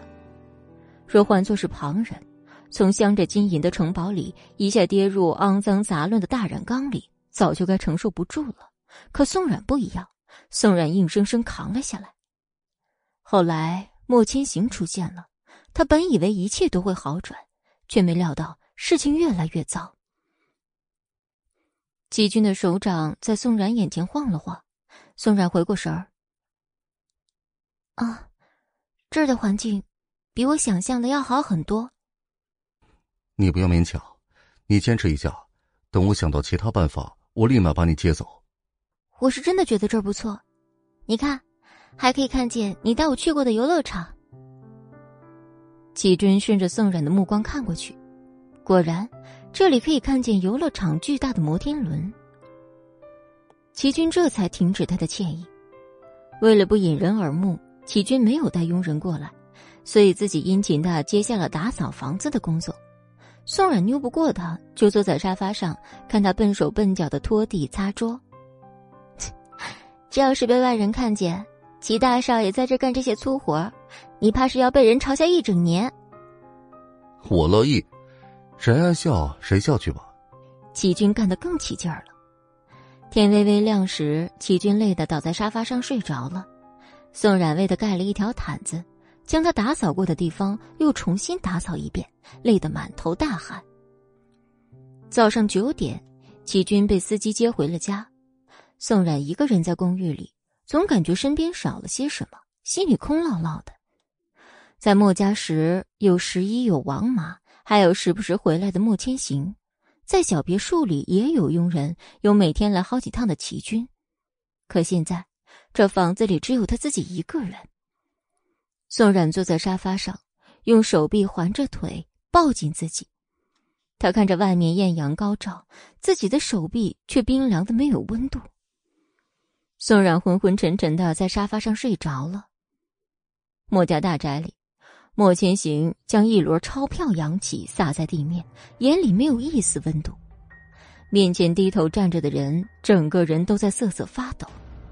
莫千行叹了口气：“出去吧。”站着的那人以为莫千行不会放过自己，他扑通一声跪倒在地，身体不停的抖动，嘴里不断的求饶：“莫总，我真的尽力了。莫总，他们的车开的太快了，我实在是跟不上啊。莫总，您放过我吧，求你了。”莫千行挥挥手，示意他别再说下去。莫总，您就大人不计小人过，放过我吧。只要您放过我。我一定可以帮您找出您想要找的人。找到，你确定？跪着的人似乎看到希望，忙不迭的跪着向前走了两步。啊，真的，我保证，只要您给我一点时间，我一定可以帮你找出来。好，那我就给你十天，十天之内没找出来，后果自负。呃呃，十天之内一定找出来。男人信誓旦旦的竖起三根手指。滚吧！一直躲着的思慕这时跳了出来，他一手撑着沙发的边缘，双脚一跃，他从背后跳进了沙发里。说的那么吓人，后果自负，到时候稍微下点重手都不忍心了。切！闭嘴！这齐军真是像他那个老奸巨猾的爹一样，竟然连夜都转移了宋冉。莫千行听到这话。眉上染上了一丝浓重的愁绪。A 城说大不大，说小不小，宋冉若是故意不出现，就像大海捞针一般难找。思慕也跟着叹了口气。该死的齐军！司慕咒骂一声。夜色降临，华灯初上，城市的霓虹灯将黑与未黑的天色融在一起。寂寞悄悄从忙碌的笼子里爬出，慢慢笼罩在整座城市的上空。被束缚的人们挣脱不开，只好借着酒精麻醉自己，掩饰胸腔内的痛苦。宋然醒来，站在落地窗前，他俯视着脚下的车水马龙，万家灯火点亮夜空，这城市熙熙攘攘，自己却无处安身。宋冉心里不知不觉染上一丝愁苦。他也想像夜市上那些人一样，用酒精麻醉自己，奈何屋子里空空如也，连杯子都没有，更别提酒了。宋冉套上一件外套，戴上帽子跟口罩，准备出门添置一些必须的物品。宋冉走进电梯，按下一层键，电梯下降的过程中不断有人进来，到十楼的时候已经挤满了。宋冉戴着口罩，被挤得很快要窒息时。终于到了一楼商场，到了超市，看着眼花缭乱的商品，宋冉庆幸自己小时候没有被过分宠溺，好歹还是懂一点生活常识的。他迅速采购好需要的物品，宋冉拿着齐军临走时给他留下的卡结账，回去依然要挤电梯。现在正是上下班的高峰时期，真不应该这时候出来。宋冉掏出钥匙，打开公寓的门。突然有人从门背后窜出来，吓得宋冉惊叫出声。待看清是齐军的时候，宋冉拍了拍胸口，松了一口气。幼稚鬼！宋冉提起刚刚惊慌时扔在一边的购物袋，往里走。齐军在后面哈哈大笑，嘲笑宋冉是胆小鬼。你怎么又来了？我想来就来呀。第五十三集，你以后还是少来点吧，省得暴露了行踪再被人发现。宋冉一边将购物袋里的东西拿出来摆好，一边应付着齐军。我都做好准备了，你没看看我现在穿的谁的衣服吗？宋冉转头，刚刚没注意到，现在才发现齐军身上穿着的是佣人的衣服，白色的身子上还有个红色的领结。起码稍微大了点儿，套在他身上松松垮垮，有些滑稽。你们家佣人的衣服啊，下次换换吧。不知道的还以为是哪家餐厅的服务员呢。冉冉说换就换。对了，你想吃点什么？冉冉做的都想吃。齐军保持着嘴角的微笑，眼睛一刻都未曾离开过宋冉。宋冉对他这些花言巧语早就见怪不怪了，懒得搭理他。宋冉拿出刚买的文讯，准备系上。一直在门边不动的齐军突然一个箭步窜过来，站在宋冉背后。我来吧。啊，不，不用了。宋冉连忙转身，迅速将围裙系好。齐军伸出的手就这样停在半空，久久没有放下。周围的空气一时之间都凝固住了一般。我，我去做饭。宋冉支吾着，打破了这份尴尬。算了吧，我不吃了。齐军将顿在半空的手收回，头头也不回的走出了公寓。宋冉微微叹了口气，他不是不知道齐军的心意，平日里齐军也言语上占他些便宜，他都无所谓，不忍驳他伤他的心。可是身体稍微一接触，宋冉心里就会十分反感。从后面帮他系围裙这个动作听起来没什么，实际上却十分暧昧。从小到大，只有妈妈和莫千行帮他系过。宋冉觉得有些无力，不知道该如何应付齐军的情感。他随手拆开一袋面条扔在锅中，再打了个鸡蛋进去，晚餐就随便应付了。齐军从公寓出来，回到自己家中，脸色愠怒，心中怒火，但是他又不能对着宋冉发脾气，在屋子里摔了一通东西后，又出门想找宋冉理论一下他的冷漠和不近人情。齐军车子刚从家中开出不到一公里。就被人包围了，来人胁迫齐军的司机停车，然后将齐军请入了另一辆车中。齐少爷，请。穿着黑色西装的男人弯着腰，对齐军做出一个请的手势。齐军冷冷看了一眼对面的车，神情凝重起来。车门打开，莫千行手里夹着一根烟，眼睛细眯着看着齐军。齐军闻到烟味儿，用手捂住了口鼻，剧烈的咳嗽起来。不好意思啊，忘了齐少身体不行。莫千行一边说一边掐了烟，语气轻佻，似乎还带了一丝嘲讽的意味。过了好一会儿，齐军才停止咳嗽，平复下来。你别想从我这儿知道任何你想知道的东西。看来齐少爷已经知道了我们的目的。莫千行长腿一伸下了车，和齐军面对面的站着，在高大的莫千行身边站着，衬得齐军有些瘦弱。不管你们是什么目的，我都不知道。齐军跟莫千行四目相对，空中仿佛有火花窜出。那麻烦齐少爷转告宋冉，他的母亲的医药费需要付一付了。我见不到他人，实在做不了主，该不该付？哼你做梦，他现在根本就不认识你，也不知道他有一个母亲，你休想将他从我身边带走。莫千行原本十足把握的笑着，听到这些话，眼里的笑意立马敛得干干净净，他眸色一暗，脸庞变得阴鸷起来。齐军脸上显然的露出一丝得意的笑容。只有我才能带给冉冉幸福。从此，他根本就不认识莫千行这个人。你只能……齐军话音未落，就被莫千行打倒在地。齐军爬起来，手一抹嘴角，看着莫千行脸上压抑不住的怒火，呵呵两声，眼里竟是得意与轻蔑。莫千行提起拳头，又要往齐军脸上砸，被急忙从驾驶位上下来的思慕拦住了。千行，你冷静一点现在可不是用拳头说话的时候。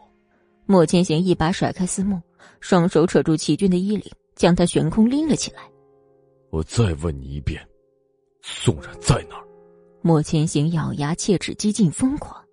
齐军像是感受不到莫千行的威胁，他闭上眼睛，一副任凭处置的样子。思慕又忙着将莫千行的手掰开，生怕他一不小心用力过猛就掐死了齐军。若不是看在祁连松的面子上，莫千行真有可能当场就处理了齐军。想到祁连松，莫千行松开拽着祁军衣领的手，祁军因为突然失去重心，连连倒退了几步。哼，你不配拥有松然。齐军站定，一字一句的说出这些话。莫千行又要发作，被司慕拦腰抱住。莫千行力气很大，司慕为了拦住他，累得气喘吁吁，缓了好一会儿。让我来吧，说着。思慕放开莫千行，上前一步，走到齐军面前。这到底是怎么回事就算你不告诉我们宋然在哪儿，至少让我们清楚一下过程吧。宋然怎么就失忆了？为什么尸检报告的 DNA 是宋冉的？齐军目光移开，并没有回答思慕的问题。好不容易冷静下来的莫千行，这时又上前揪住齐军的领子，眼里寒光四射。所以，尸检报告是你动的手脚。我还以为莫大少爷有多聪明呢，看来也不过如此。司慕恍然大悟，眼里也汇聚起寒意，不仅不阻止莫千行，反而自己给了齐军两拳。莫千行和司慕没有从齐军那儿得到任何消息，唯一弄明白的就是尸检报告的事儿。将齐军扔在一旁，莫青青跟思慕开车走了。齐军看着他们的车消失在茫茫夜色中，眼神里多了些狠厉。要想带走宋冉，除非从他的尸体上跨过去。第五十四集。这几天天气好，宋然每天都会在黄昏时拉一把椅子放在落地窗前，盘腿坐在上面。他往窗外看，二十一楼的视野在这个高楼林立的城市里还算宽阔。不知从什么时候起，他喜欢坐在夕阳里看城市的衰落。外面响起一阵敲门声，宋冉光着脚跑过去，从监控上看到一个意料之外的人。轻蹙一下眉头，宋冉穿好鞋子，整理好着装，开门迎接这个不速之客。齐先生，请进。宋冉恭敬的做出请的手势。敲门的是祁连松。祁连松微笑了一下，走进宋冉的小公寓，稍稍打量了一下，径自走到窗前，往外望了望。环境不错，闹中有静。宋冉见过祁连松不过几次，但次次都是神情肃穆、面露金光。就算在酒会那种虚与委蛇的地方，他也是气场慑人的。像今天这样和蔼可亲，还真是第一次见。是啊，大隐隐于市。齐先生，请坐。宋冉为祁连松倒上一杯温水，祁连松大大方方的坐下，眼里微笑始终未见。他望着宋冉，不说话。齐先生，请直说吧。一山不容二虎，可现在三虎相斗，宋小姐如何看呢？虎分长幼，长之贪婪不可逆转，幼尚懵懂，犹有余地。哈哈，说得好，说得好啊！如你所说。长虎贪婪狡猾，那便更难掌控局势。你可有什么想法？所以，齐先生今天来到这儿，不是已经有想法了吗？那你可愿与我合作？愿意是愿意的，只不过我有两个要求。第一个是你母亲吧？嗯。那这第二个呢？第二个。是不能伤害到莫千行。祁连松垂下眼眸，语气带了三分嘲弄。宋小姐还真是心胸宽广，还护着自己的仇家。宋冉微微笑笑，没有说话。莫千行其实不欠他什么，他唯一犯的错就是不相信他，只相信别人，所以这点错不足以让他付出很大的代价。这两个要求，我答应你。那接下来应该怎么做？还请齐先生明示。你要报复林雨柔，自然得有接触她的机会。要有接触她的机会，自然还是待在莫千行的身边最合适。宋冉陷入沉默，自己好不容易才逃脱莫千行的掌控，现在又要重新回去。可是祁连松说的也在理，要想接触到林雨柔，最好的地方就是莫千行的身边。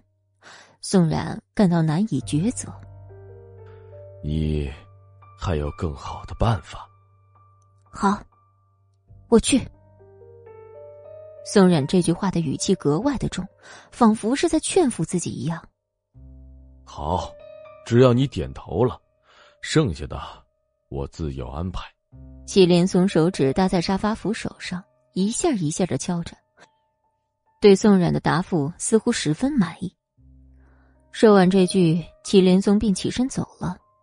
宋冉跟着起身到门口说：“祁先生，恕不远送。”便微微欠身关上了门。宋冉不知道今天自己做的这个决定是否正确，可是想起自己若不先出击，那类似坠崖的事情必定会再次发生。而自己不可能每次都那么幸运的保住一条命。宋然走进浴室，将花洒调进最大，他心里有一丝复杂。莫千行，我们又要见面了。而莫千行那边，客厅里聚满了人，黑压压的一片。谁先找到，谁就能得到这张一百万的支票。莫千行食指和中指夹着一张支票，他坐在沙发上，声音有些慵懒的说道。底下那群黑压压的人眼里瞬间露出贪婪的光芒。但有一个要求，谁也不能伤害他。发现行踪，立即向我报告。散了吧。大厅里瞬间变得寂静无声。莫千行闭上眼睛，揉了揉眉心。就算宋冉失忆了，他也要把他找回来，告诉他他身上背负的罪过。金行，林雨柔撩了一下他的头发，走到沙发旁。莫千行轻微的嗯了一声，继续闭着眼睛。千行，我刚刚进来的时候，看见好多人走出去，他们来干嘛的？这儿发生什么事了吗？没有。哎呀，千行，你有什么事儿不要放在心上呀，你跟我说嘛。就算我不能帮你分担，但是说出来心里会好受一点啊。林雨柔的语气像是绵绵春风，任何一个男人听了都会忍不住沉醉。可莫千行没有，他对林雨柔的方式就像是在套一个数学公式。我累了，你先回去吧，我叫司机送你。千行，林雨柔气得直跺脚。无论如何，莫千行始终没有将她当成亲密的人对待，就算他们有婚约在身。林雨柔不甘心，眼里聚起一丝恨意，想要弄明白今晚这儿发生了什么，对他来说再简单不过。林雨柔从包里掏出电话，转身走出了大门。昏暗的胡同里，林雨柔吹了吹指甲上的灰尘，十分嫌弃的看着周围的闹市。她穿着小短裙。丰满的身材引起不少路人的注意，还有人冲她吹口哨。林雨柔轻蔑的瞥了他们一眼，继续向前走。从墨家那儿出来，他托人找到了其中一个今晚出现在莫家的人，打听到他们正在找一个人。是什么人让莫千行如此大费周章？莫千行越不让他知道，他就越想知道。穿过几条曲曲折折的小巷。终于到了一条宽阔的大马路上，而马路旁边的男人一看到林雨柔出现在街口，立马哈着腰上前。莫千行让你们找谁啊？林雨柔从包里掏出一沓纸币，男人眼前一亮，掏出莫千行给的照片，看到照片上的人，林雨柔瞳孔猛然放大。找到了吗？男人不说话，意味深长的看着林雨柔。林雨柔又拿出一沓纸币，男人才嘿嘿笑着说：“找到了，就在那儿。”说着，手指了指身后的商场。第五十五集，男人用唾沫沾湿手指，飞快的数着手中的票子，数完还不忘夸耀自己一番：“这要我们鹰眼的人出马。”哪里还有找不到的人呢？哪怕他现在在黄泉路上，我们也能给您揪到您面前。别废话，快带我上去找人。林雨柔才不关心什么狗屁鹰眼，她只想知道莫千行为什么要找宋冉？难道真如自己所想，酒会上那人就是宋冉？那他是装的，还是真的失忆了？以前的事情都有可能败露。包括自己推他坠崖和诬陷他的事儿，林雨柔心里起了一层鸡皮疙瘩。她慌忙拿出纸笔，写了一张数额巨大的支票，塞给眼前的男人：“给你，如果不够，我还可以加。你带我去找他。”男人看着手里的巨额支票，他两眼放光，又立马还给了林雨柔：“不行啊，这是我们的底线，我已经破坏行业规则。”告诉你我们在找的人了，大致地方也告诉你了，能不能找到就看你自己的本事了。带你去找是不可能的。你想要多少？你直说，别在这跟我谈什么底线。像你们这种见钱眼开的人，也配？男人似乎被惹怒了，从口袋里掏出一把匕首，抵在林雨柔腰上。你他娘的，再给老子说一遍！啊！我错了，我错了，这位大哥，都怪我有眼不识泰山，不懂回报大哥的恩情。这张支票你免费拿着，就当是我补偿给您的，您看怎么样？你要再敢狗眼看人低，我就划划你这张小脸儿，让你尝尝残花败柳是什么滋味儿。不敢了，不敢了，大哥，以后见到你们鹰眼，我都喊一声英雄。哼，滚吧，贱人！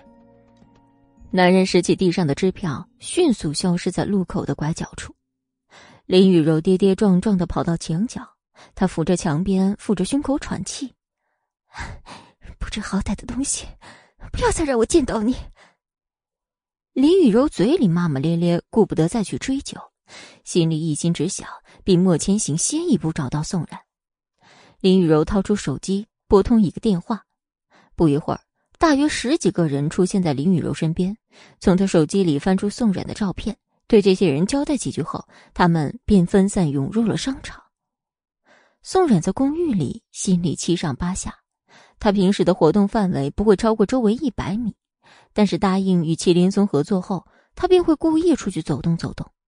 刚刚看见商场周围前面那片夜市里都出现了类似探子的人，宋冉便故意摘下口罩暴露行踪。现在莫千行应该已经收到消息，正在往这边赶。宋冉坐在沙发上，听着手表指针一下一下走动的声音，心里慢慢揪了起来。莫千行是他的心头刺，从一开始恨他莫名其妙的失踪，再到他回来又把莫须有的罪名扣在他头上，宋冉都没有什么怨言，只想着未来总会有水落石出的一天。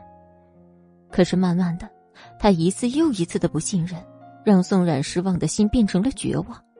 他们之间隔着一条叫时间的鸿沟，怀疑、欲望、欺瞒，在鸿沟里燃起熊熊火焰，他们跨不过去，只好别离。敲门声响起，打断了宋冉的沉思。宋冉缓缓起身，眼神坚定又凄然的望着门口。他一步一步走到门口，打开这扇牢狱之门，从此。他又会成为笼子里的金丝雀。宋冉闭闭眼，睫毛上下扇动着，他背齿咬住下唇，渐渐的，原本红润的嘴唇泛起青白。宋冉右手落在门把上，拇指早已因为用力过度失去血色，五指张开又合上，手稍稍用力往下压，门开了。入眼的却是一张陌生男人的脸。男人看见他，神情微微闪烁，而后立马咳嗽了一声。随即，宋冉就看见了林雨柔摇着纤细的腰肢出现在了眼前。宋冉大脑有一瞬间的空白，转而就飞速运转起来。难道外面的探子是林雨柔的？宋冉暗自懊悔自己失策，不经思考就暴露了行踪。哼，宋冉。你可真是让我好找呀！为了你，这栋楼我都翻遍了。林小姐，你为什么老是忘记我的名字呢？我叫宋然然。你别装了，宋然，这天底下哪有长得一模一样的人啊？你哄三岁小孩呢？不管你信不信，我是宋然然，不认识什么宋然。说完这句话，宋然马上转身进门，想要关门。林雨柔眼疾手快的一只手抵住门口，宋冉装作没看见，依旧甩上了门。林雨柔的四个手指头立马变得红肿，他哀嚎一声，却仍死拽着不肯松开。他也倒忍得住，宋冉只好装出一副不是故意的样子。“哎呀，林小姐，不好意思，你没事吧？”林雨柔恨恨的瞪着宋冉，不说话。骄傲倔强的林大小姐怎么会在自己死对头面前喊痛呢？宋冉心里暗笑一声：“啊，看来林小姐问题不大，没什么事的话就早些回去吧。我真不是你要找的那个宋冉。”林雨柔心中半信半疑，不知该不该对他下手。就算他失了忆，也极有可能哪天又突然想起。林雨柔正准备一不做二不休，把眼前这个失忆的宋冉也解决掉，以绝后患，门上却突然出现了一个黑影。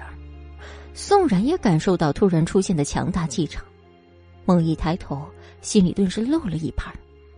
莫千行黑着脸站在门口，林雨柔见莫千行来了，态度急转，委屈的向莫千行哭诉：“千行，你来的正好，我只不过问了他两句，他认不认识宋然，他便凶残的将我的手压成这样。千行，我的手好痛啊！”说着，眼泪就真下来了。宋然早就看透了林雨柔的把戏，他没多加理会，微微一笑，冲莫千行说：“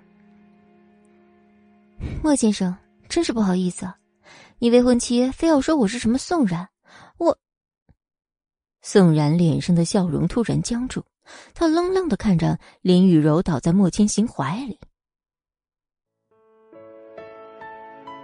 第五十六集。莫千行将手中的针管和倒下的林雨柔一起交给旁边的保镖，目光放在宋冉的脸上，没有移开过。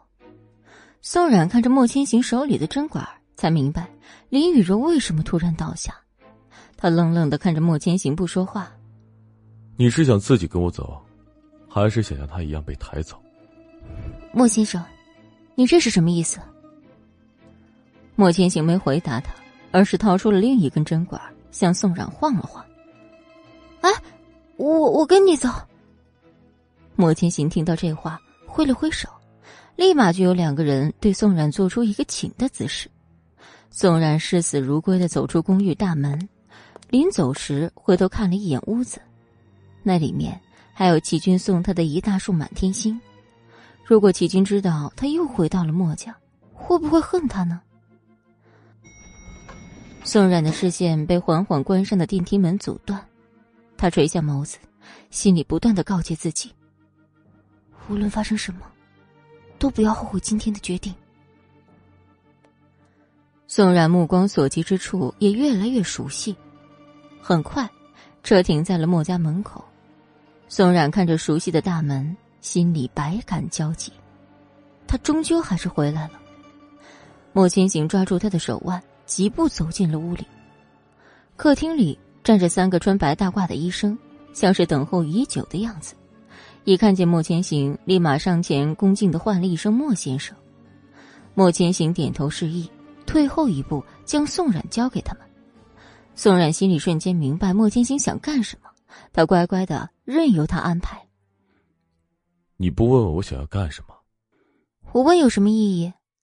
问了。莫先生也不会放我走。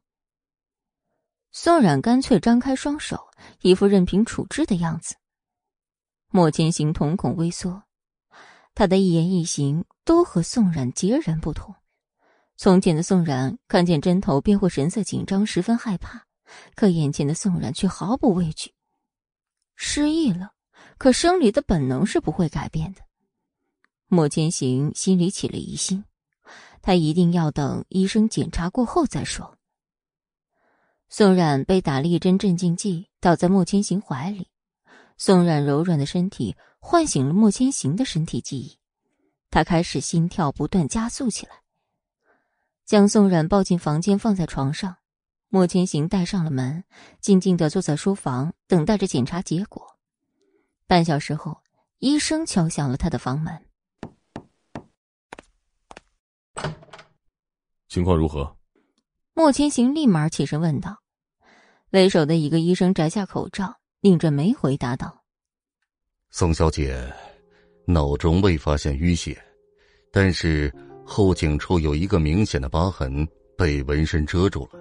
这个疤痕所在的位置十分靠近记忆神经，所以说，如果受伤过程中伤及到了记忆神经，的确有可能出现失忆的情况。”那有没有可能恢复记忆？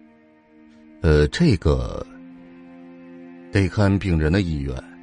如果病人潜意识里排斥这段记忆，那恢复的可能性微乎其微呀。莫千行陷入了沉默。宋冉当然是排斥，他应该恨极了他。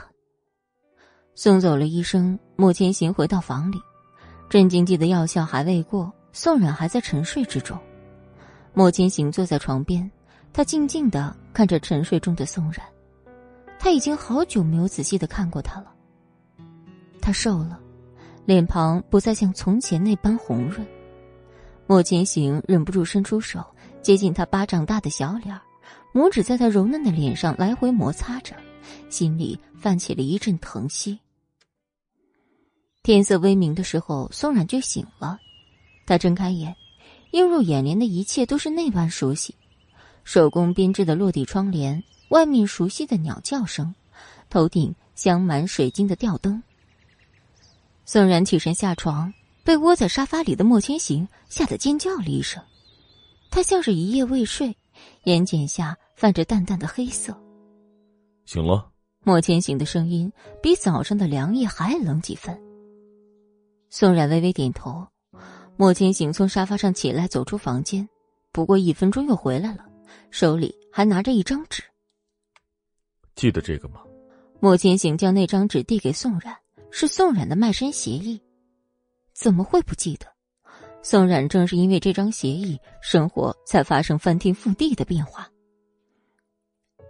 这是什么？宋冉拿起，仔细的看起来。情妇，就算你失忆了，但你是宋冉的事实是不可更改的。你别想逃出我的手掌心。莫千行一根手指挑起他的下巴，语气带了几分魅惑，几分威胁。我说过，我叫宋冉冉。宋冉也好，宋冉也罢，只要是你，就只配做我的情妇。莫千行不知什么时候起。点了一根烟，重重吸了一口。难道齐军没告诉过你，你原来的身份是什么？我原来的身份？你原来叫宋冉，就是这纸上的宋冉。宋冉，你这辈子都别想逃离我。莫千行掐灭烟头，突然凑到宋冉面前，呼出的气带着烟味儿喷在宋冉脸上，呛得宋冉咳嗽起来。宋冉不说话，他怕多说几句就暴露了他其实没有失忆这个事实。莫千行却并不打算就这样放过他，他两根手指挑起宋冉的下巴，脸凑得十分近，近的宋冉可以看清他脸上的每一根汗毛。你的父亲害死了我的父亲，这个债，你要替他偿。你胡说！宋冉眼眶发红，情绪有点激动。他的父亲一生为人正直，连爬到手上的蚂蚁都舍不得伤害，怎么可能因为贪图利益就去谋害人命？怎么，你想起来了？莫千行看他如此激动，眼睛一眯，怀疑的看向宋然，意识到自己情绪过于激动，宋然深呼吸一下，又换上了宋然然的面孔。请莫先生出去，我还要继续休息。出去，去哪儿啊？这是莫家，只要我想待在这儿，谁也没资格命令我。莫千行又凑到宋冉的耳边，压低声音说道：“还有，情妇就该履行情妇的义务。”莫千行的语气十分暧昧，换做以前的宋冉早就开始脸红心跳，骂他不要脸了。可那毕竟是从前，现在的宋冉不是几句话就能被撩到的。莫先生，你若觊觎我的美色，就直说，何必扯这些无中生有的事情来当借口？宋冉说着，反而妩媚的笑起来，一手攀上了莫千行的肩膀，指尖蜻蜓点水般划过他的耳垂。第五十七集，你对齐军也这样？莫千行语气中。陡然升起的怒气，吓得宋冉微微失了神儿。齐军也这样，切，莫名其妙。宋冉放下攀在莫千行肩膀上的手，觉得气氛有点微妙。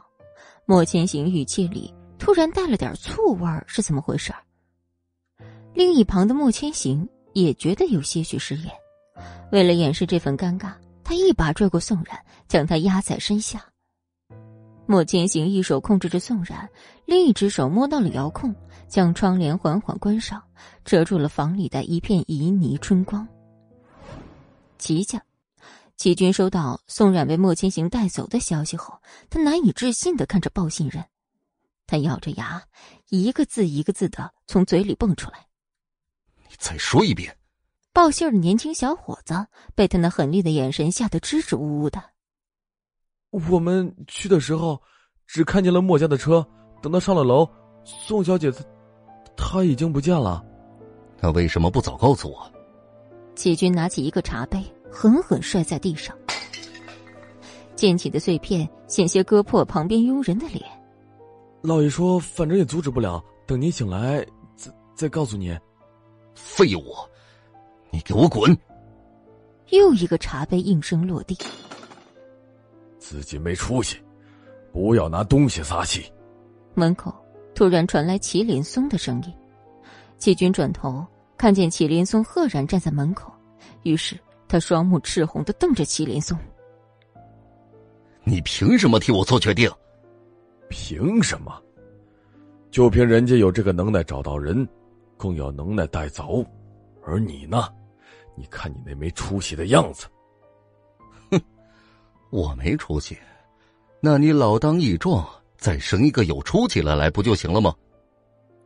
齐军忽然转怒为笑，祁连松听了这话，扬起的手就要给齐军一个巴掌，在快要落到他脸上时，却又硬生生停住。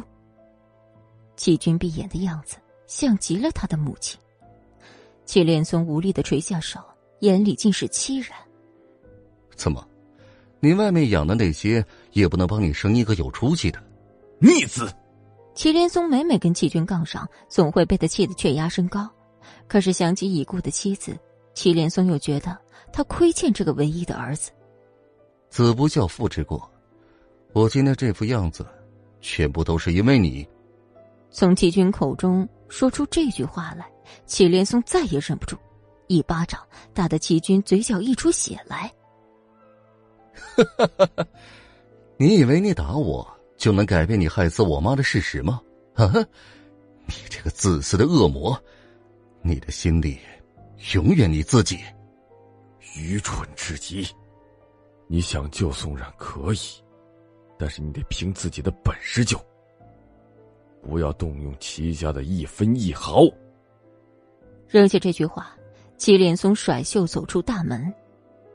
齐军盯着他离开的背影，眼神冰冷，脑海里又浮现了那天早上的场景。他从外祖父家回来，十分开心的跟妈妈去叫爸爸起床，准备给他一个惊喜。推开房门，却发现祁连松怀里躺着另一个女人，床边乱七八糟的堆了一堆的衣服。妈妈一下松开自己的手，满眼的不可置信，泪水淌了满脸。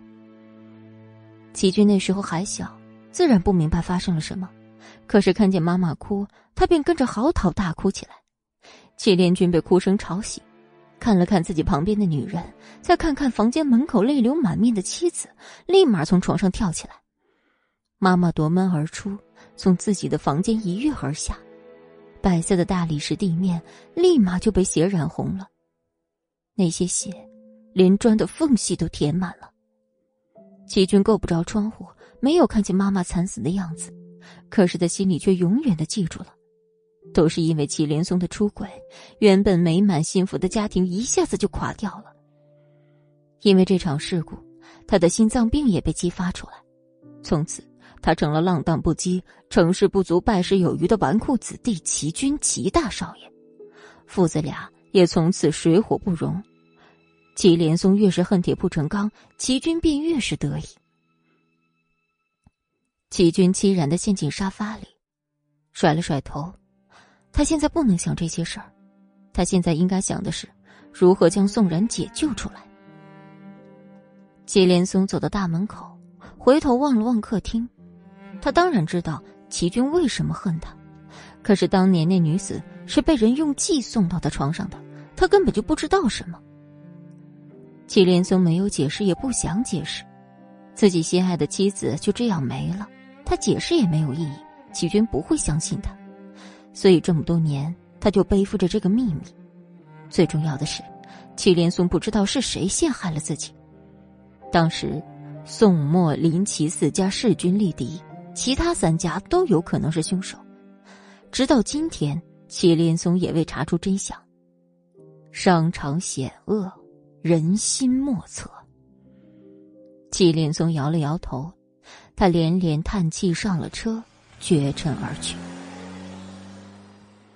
宋冉再次醒来的时候，莫千行还躺在他身边熟睡着。以前宋冉很多次这样在莫千行怀里醒来，他枕着他的臂弯，看着他英俊的眉眼，听着他均匀的呼吸声，心里都会觉得有一种踏实的幸福感。可是现在，宋冉再次这样从臂弯里醒来，心里却忍不住觉得跟身边的男人有了隔阂。不过短短三个月，却恍若隔世。莫清行睡着的时候，神情温柔。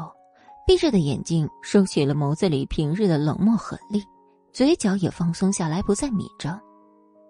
宋冉抬起手想摸摸他的眉眼，想到他不在的时候，林雨柔或许也这样在他怀抱中醒来过，他立马缩回手，连带翻了个身，脱离他的怀抱。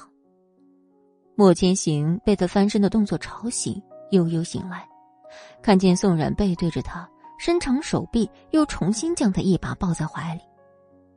宋冉身子一僵，不知此时自己该不该睁眼。为什么要把他抱得这么紧？他不是恨他吗？还是纯粹将他当成别的女人搂着睡觉罢了？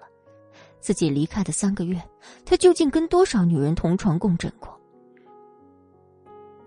宋冉一边装睡，心里一边猜测，他脑子转来转去，又不小心睡过去了。莫千行在他飘着清香的头发上留下浅浅一吻。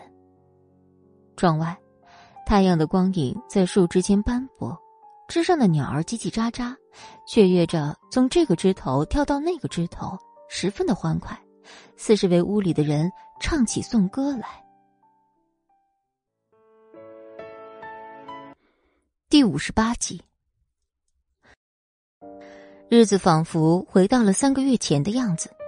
可是宋冉知道，一切都跟原来不一样了。五年前的少年温文尔雅，五年后的莫千行冷酷残忍，三个月前所发生的一切历历在目。三个月间，宋然已经重生，现在的他叫宋冉冉，他不该再对谁抱有希望。宋小姐，该吃饭了。王妈推开他的门，笑眯眯的对他说道。他的思绪被拉回，有些茫然的看着旁边还有余温的位置，他缓慢的点了点头，声音漠然：“好，你先下去吧。”王妈轻轻关了门，宋然起身，穿了一件宽松的白衬衫，走到浴室，用清水拍了拍脸，看了下镜中的自己，笑了笑，稍作收拾，才下了楼。宋然一下楼就看见那人还在。他随即似笑非笑的嘲讽道：“莫先生没有事要做吗？日上三竿了还不去工作？”宋然，我的事情还不需要你过问。莫先生，我说过我叫宋然然，我不知道你跟那个宋冉发生了什么，你强行将我带来，我也来了，是不是应该放我回去了？是不是你知道？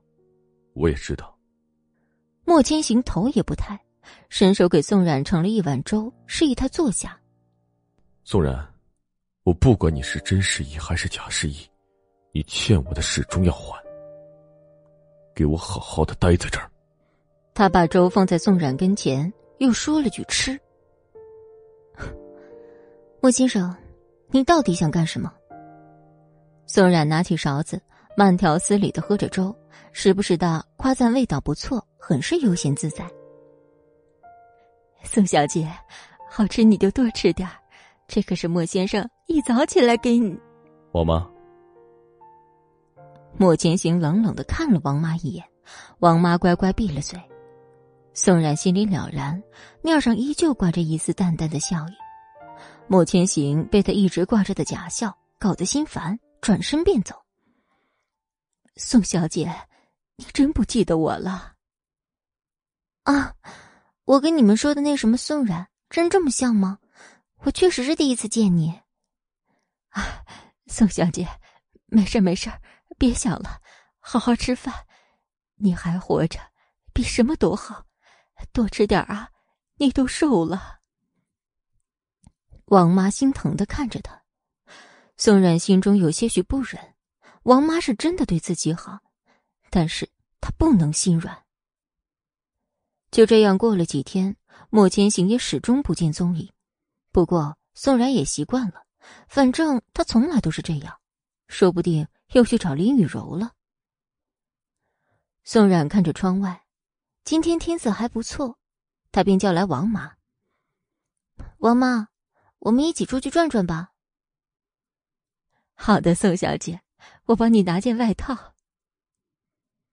坐在车上，看着外面已经开始掉落落叶的树，秋天是真的来了。司机问宋冉目的地，他随口说了一声商场。可到了商场，看着琳琅满目的商品，宋冉其实也不知道买什么，他只是觉得待在墨家太无聊了。下一秒，他目光定住。视线落在一颗镶着淡蓝色钻石的戒指上，他又被强行拉进了回忆里。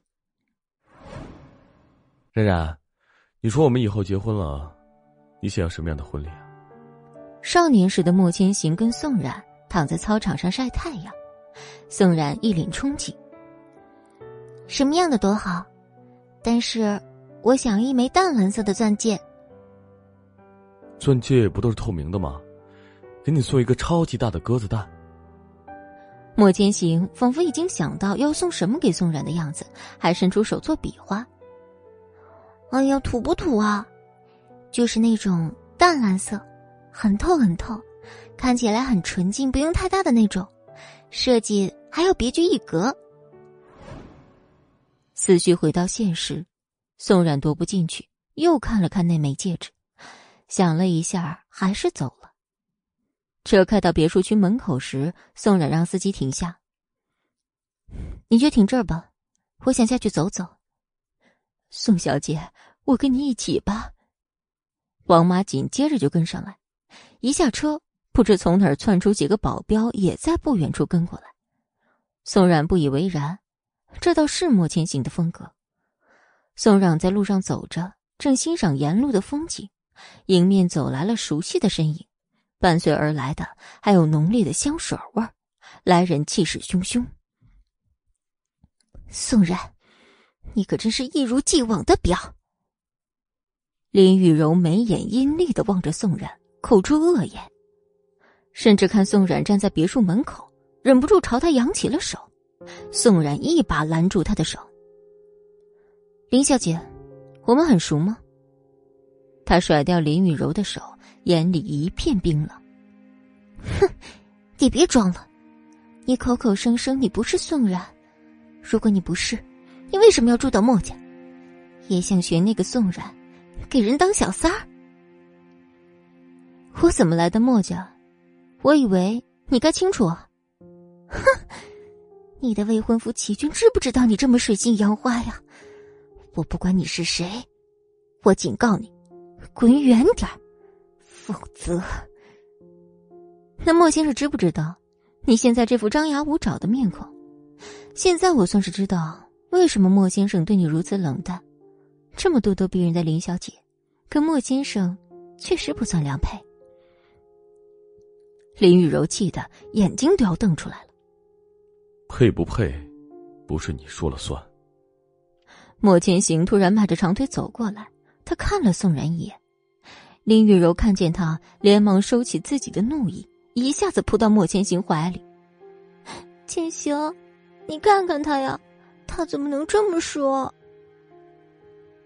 莫先生，林小姐这闹的哪一出啊？你这娇妻哭的我都心疼了，是时候放我离开了吧。宋然忍下心中难过，嘲讽的说道。莫千行眼里掠过一丝危险，他没有理会林雨柔的哭闹，也没有回答宋冉的话，只是冷脸吩咐司机把林雨柔送走。林雨柔不想走，可莫千行在这儿，他就不敢胡闹。他并不像在宋冉面前表现的那么有底气。他一离开，莫千行就一步一步逼近宋冉，宋冉不由自主的后退。苏小姐，你以为你走得掉吗？莫千行学着宋冉的称呼，快速一把把宋冉扛到肩上，不顾宋冉的反抗，把宋冉扛回了别墅。第五十九集，莫千行把宋冉粗暴的扔在沙发上，看着宋冉清透的双眼，仿佛蒙了一层水雾，他心中一动，不顾宋冉的挣扎，便翻身覆上，吻向宋冉。王妈见状。赶紧退了下去。宋冉见挣脱不开，张口就咬了莫千行一口。他吃痛，却并没停下动作，迷乱的眼神抹上了一丝阴狠。他更加烦躁的摁住宋冉，不让他有所动作。渐渐的，莫千行发现宋冉不再反抗，眼神清明的瞪着他。这眼神看得他心烦不已，索性放开压着宋冉的手。你这么看着我做什么？那么宋先生希望我如何？像猫跟老鼠一样，让我陪着你玩游戏吗？莫千行似笑非笑的望着他，嘴里却说着最伤人的话：“宋然，你是我的情妇。”他抬手轻轻抚摸宋然的脸颊，声音有些沙哑：“协议书还记得吗？或者？”你想听听你那年迈的母亲的事？宋然听到他妈妈，情绪瞬间控制不住。我妈妈她怎么了？宋然，怎么了？装不下去了吗？不好，差点露馅了。莫先生，我父母现在好好待在家里，我相信，你不至于为了我，去动我的父母吧。宋冉边说边把手搭在莫千行的肩膀上。只是莫先生，你似乎欠我一个说法。他还是之前的宋冉，但也有些不同于前了。他学会了反抗，也学会了和他玩心眼儿。莫千行眼眸微暗，目光落在他因为反抗而染上红晕的脸蛋上，视线又落在他殷红的唇瓣上。心随意动，莫千行再也压抑不住心里的野望，只有他自己知道，宋冉消失的那段时间他有多难熬。他重新轻身过去，又想继续刚才的动作。莫先生，你放开我！这混蛋，真是一点都没变，从来不会顾虑别人心中的感受。莫先生，你对我施暴前最好考虑清楚，你现在这样。我完全可以去告你。告我，宋然。我的耐心有限，我会让你慢慢回忆起来你的身份的。他不再多说，强硬的摁住他的手腕。接下来，他身体力行的强迫宋冉接受他给予的回忆，他的体温，他的热度，他的汗水。宋冉身上的馨香让他极其怀念。其实不用怎么试探，他到他怀里就知道他是冉冉。转眼间，卧室一片狼藉。窗外的树叶在风的吹动下沙沙作响，树下的十一正在跟飘落的树叶玩得不亦乐乎，一切看起来都似乎十分平静祥和。宋冉一个人在卧室的床上发呆，想到下午发生的事儿，心里渐渐泛起疼痛。他想念曾经的莫千行，如若不是莫千行之前的所作所为，他甚至想认命，默默的履行他跟莫千行之间的协议。毕竟在他心底，他还是爱着他的。可莫千行不信他，怀疑他，他所有的勇气都没了。想着想着，宋冉不知不觉睡着了。他做了一个梦，梦中，莫千行一脸温柔的看着他，将他紧紧的抱在怀里，不肯松手。而此时的齐军则无比焦虑。齐家父子已经势同水火，齐军表面上还是齐家公子风风光光，可实际上时时刻刻都有祁连松的眼线盯着他。那些保镖就守在齐家门口，限制着齐军外出。齐军现在在家里简直就是如坐针毡，站也不是，坐也不是。他不敢想，宋冉再次落到莫千行手上，又会遭受什么样的非人待遇。关键是，一想到他要对宋冉那样，他心中就烧着一把火。他一把将茶几上的东西扫落，满脸阴沉。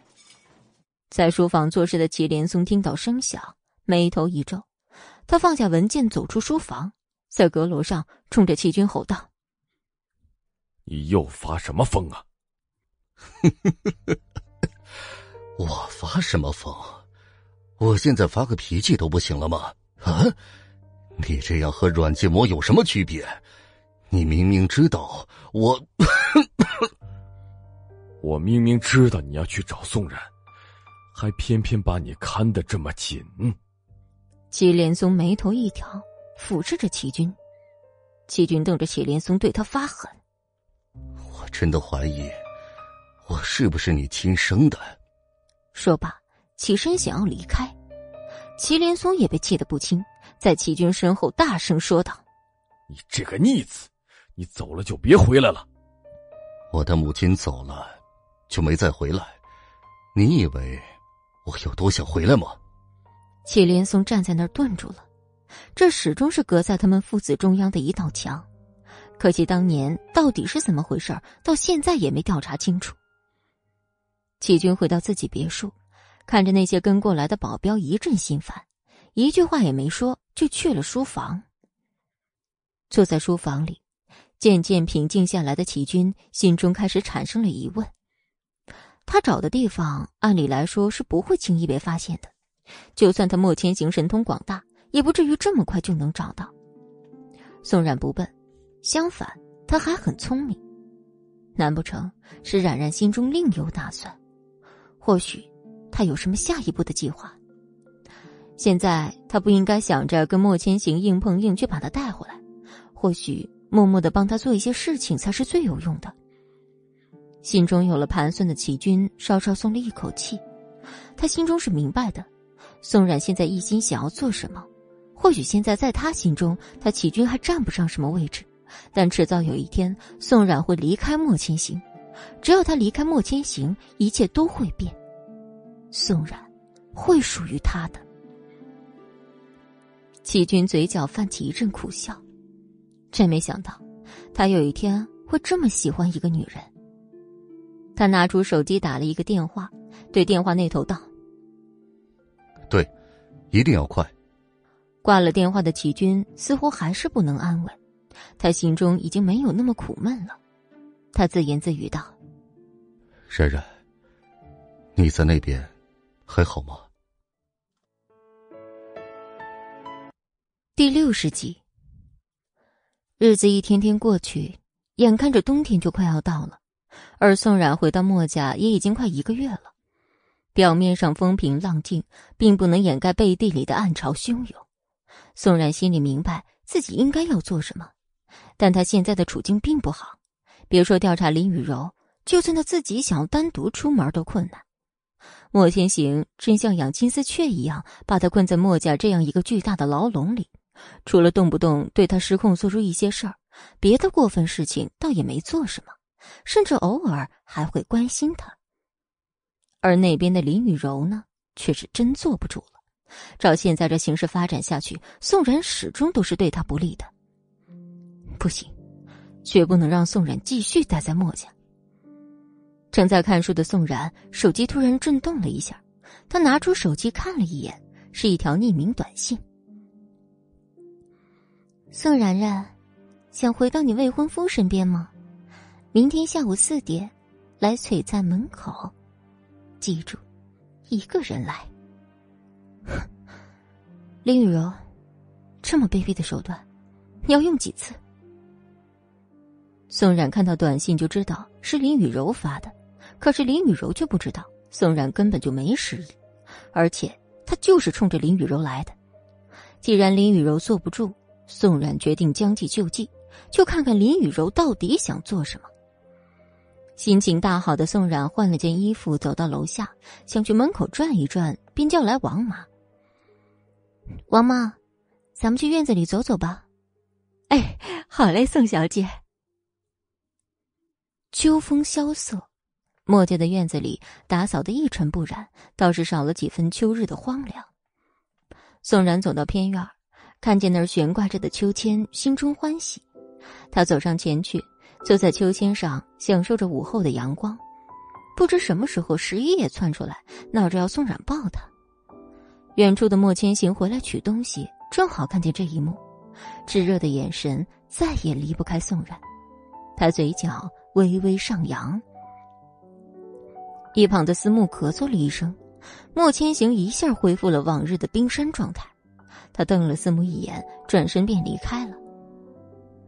安逸的时光总是过得很快，眼看着到约定的时间，宋冉换上了一身奶白色的裙子。裙子本身没有很特别的设计，高级的面料却把宋冉的身材体现的淋漓尽致。稍作收拾，宋冉看了看镜子前的自己，他满意的对自己笑了一下。他叫上王妈去了璀璨。璀璨是一个巨大的商业帝国，一共十二层。宋冉带着王妈来到平常人最多的第四层，说要买点东西。宋冉看哪儿人多就往哪儿钻。刚开始，王妈还跟得蛮紧的，渐渐开始体力不支。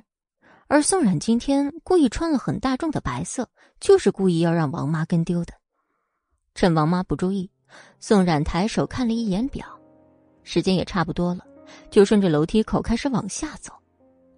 王妈没想到宋冉会离开，只是默默的跟在一个白衣服女子的身后。等他发现的时候，宋冉早已不见了踪影。宋冉来到璀璨楼下，观察着四周的人。过了一会儿，果然看见启军满头是汗的赶过来。远处的林雨柔看见鱼儿上钩，高兴的拿出手机拨通了莫千行的电话：“千行，你在忙吗？我的车坏了。”你能不能来接我一下啊？我让司机去接你。千行，人家也好久没看见你了，正好一会儿可以一起吃个晚饭吗？哎呀，哎呀，千行，我好像看见齐少跟宋然然了。宋然然她不是在墨家吗？莫千行听到这儿，他立刻停下手中工作，眼中带着怒火，一字一句的问林雨柔。你在哪？林雨柔笑着说了地址，便挂了电话。他心里十分激动。宋冉啊，宋冉，我就看看你这回该怎么办。宋冉看着齐军匆忙赶来，有些心疼他。他身体不好，却一次又一次为他身陷险境。若不是莫千行，或许宋冉真会给齐军一个机会。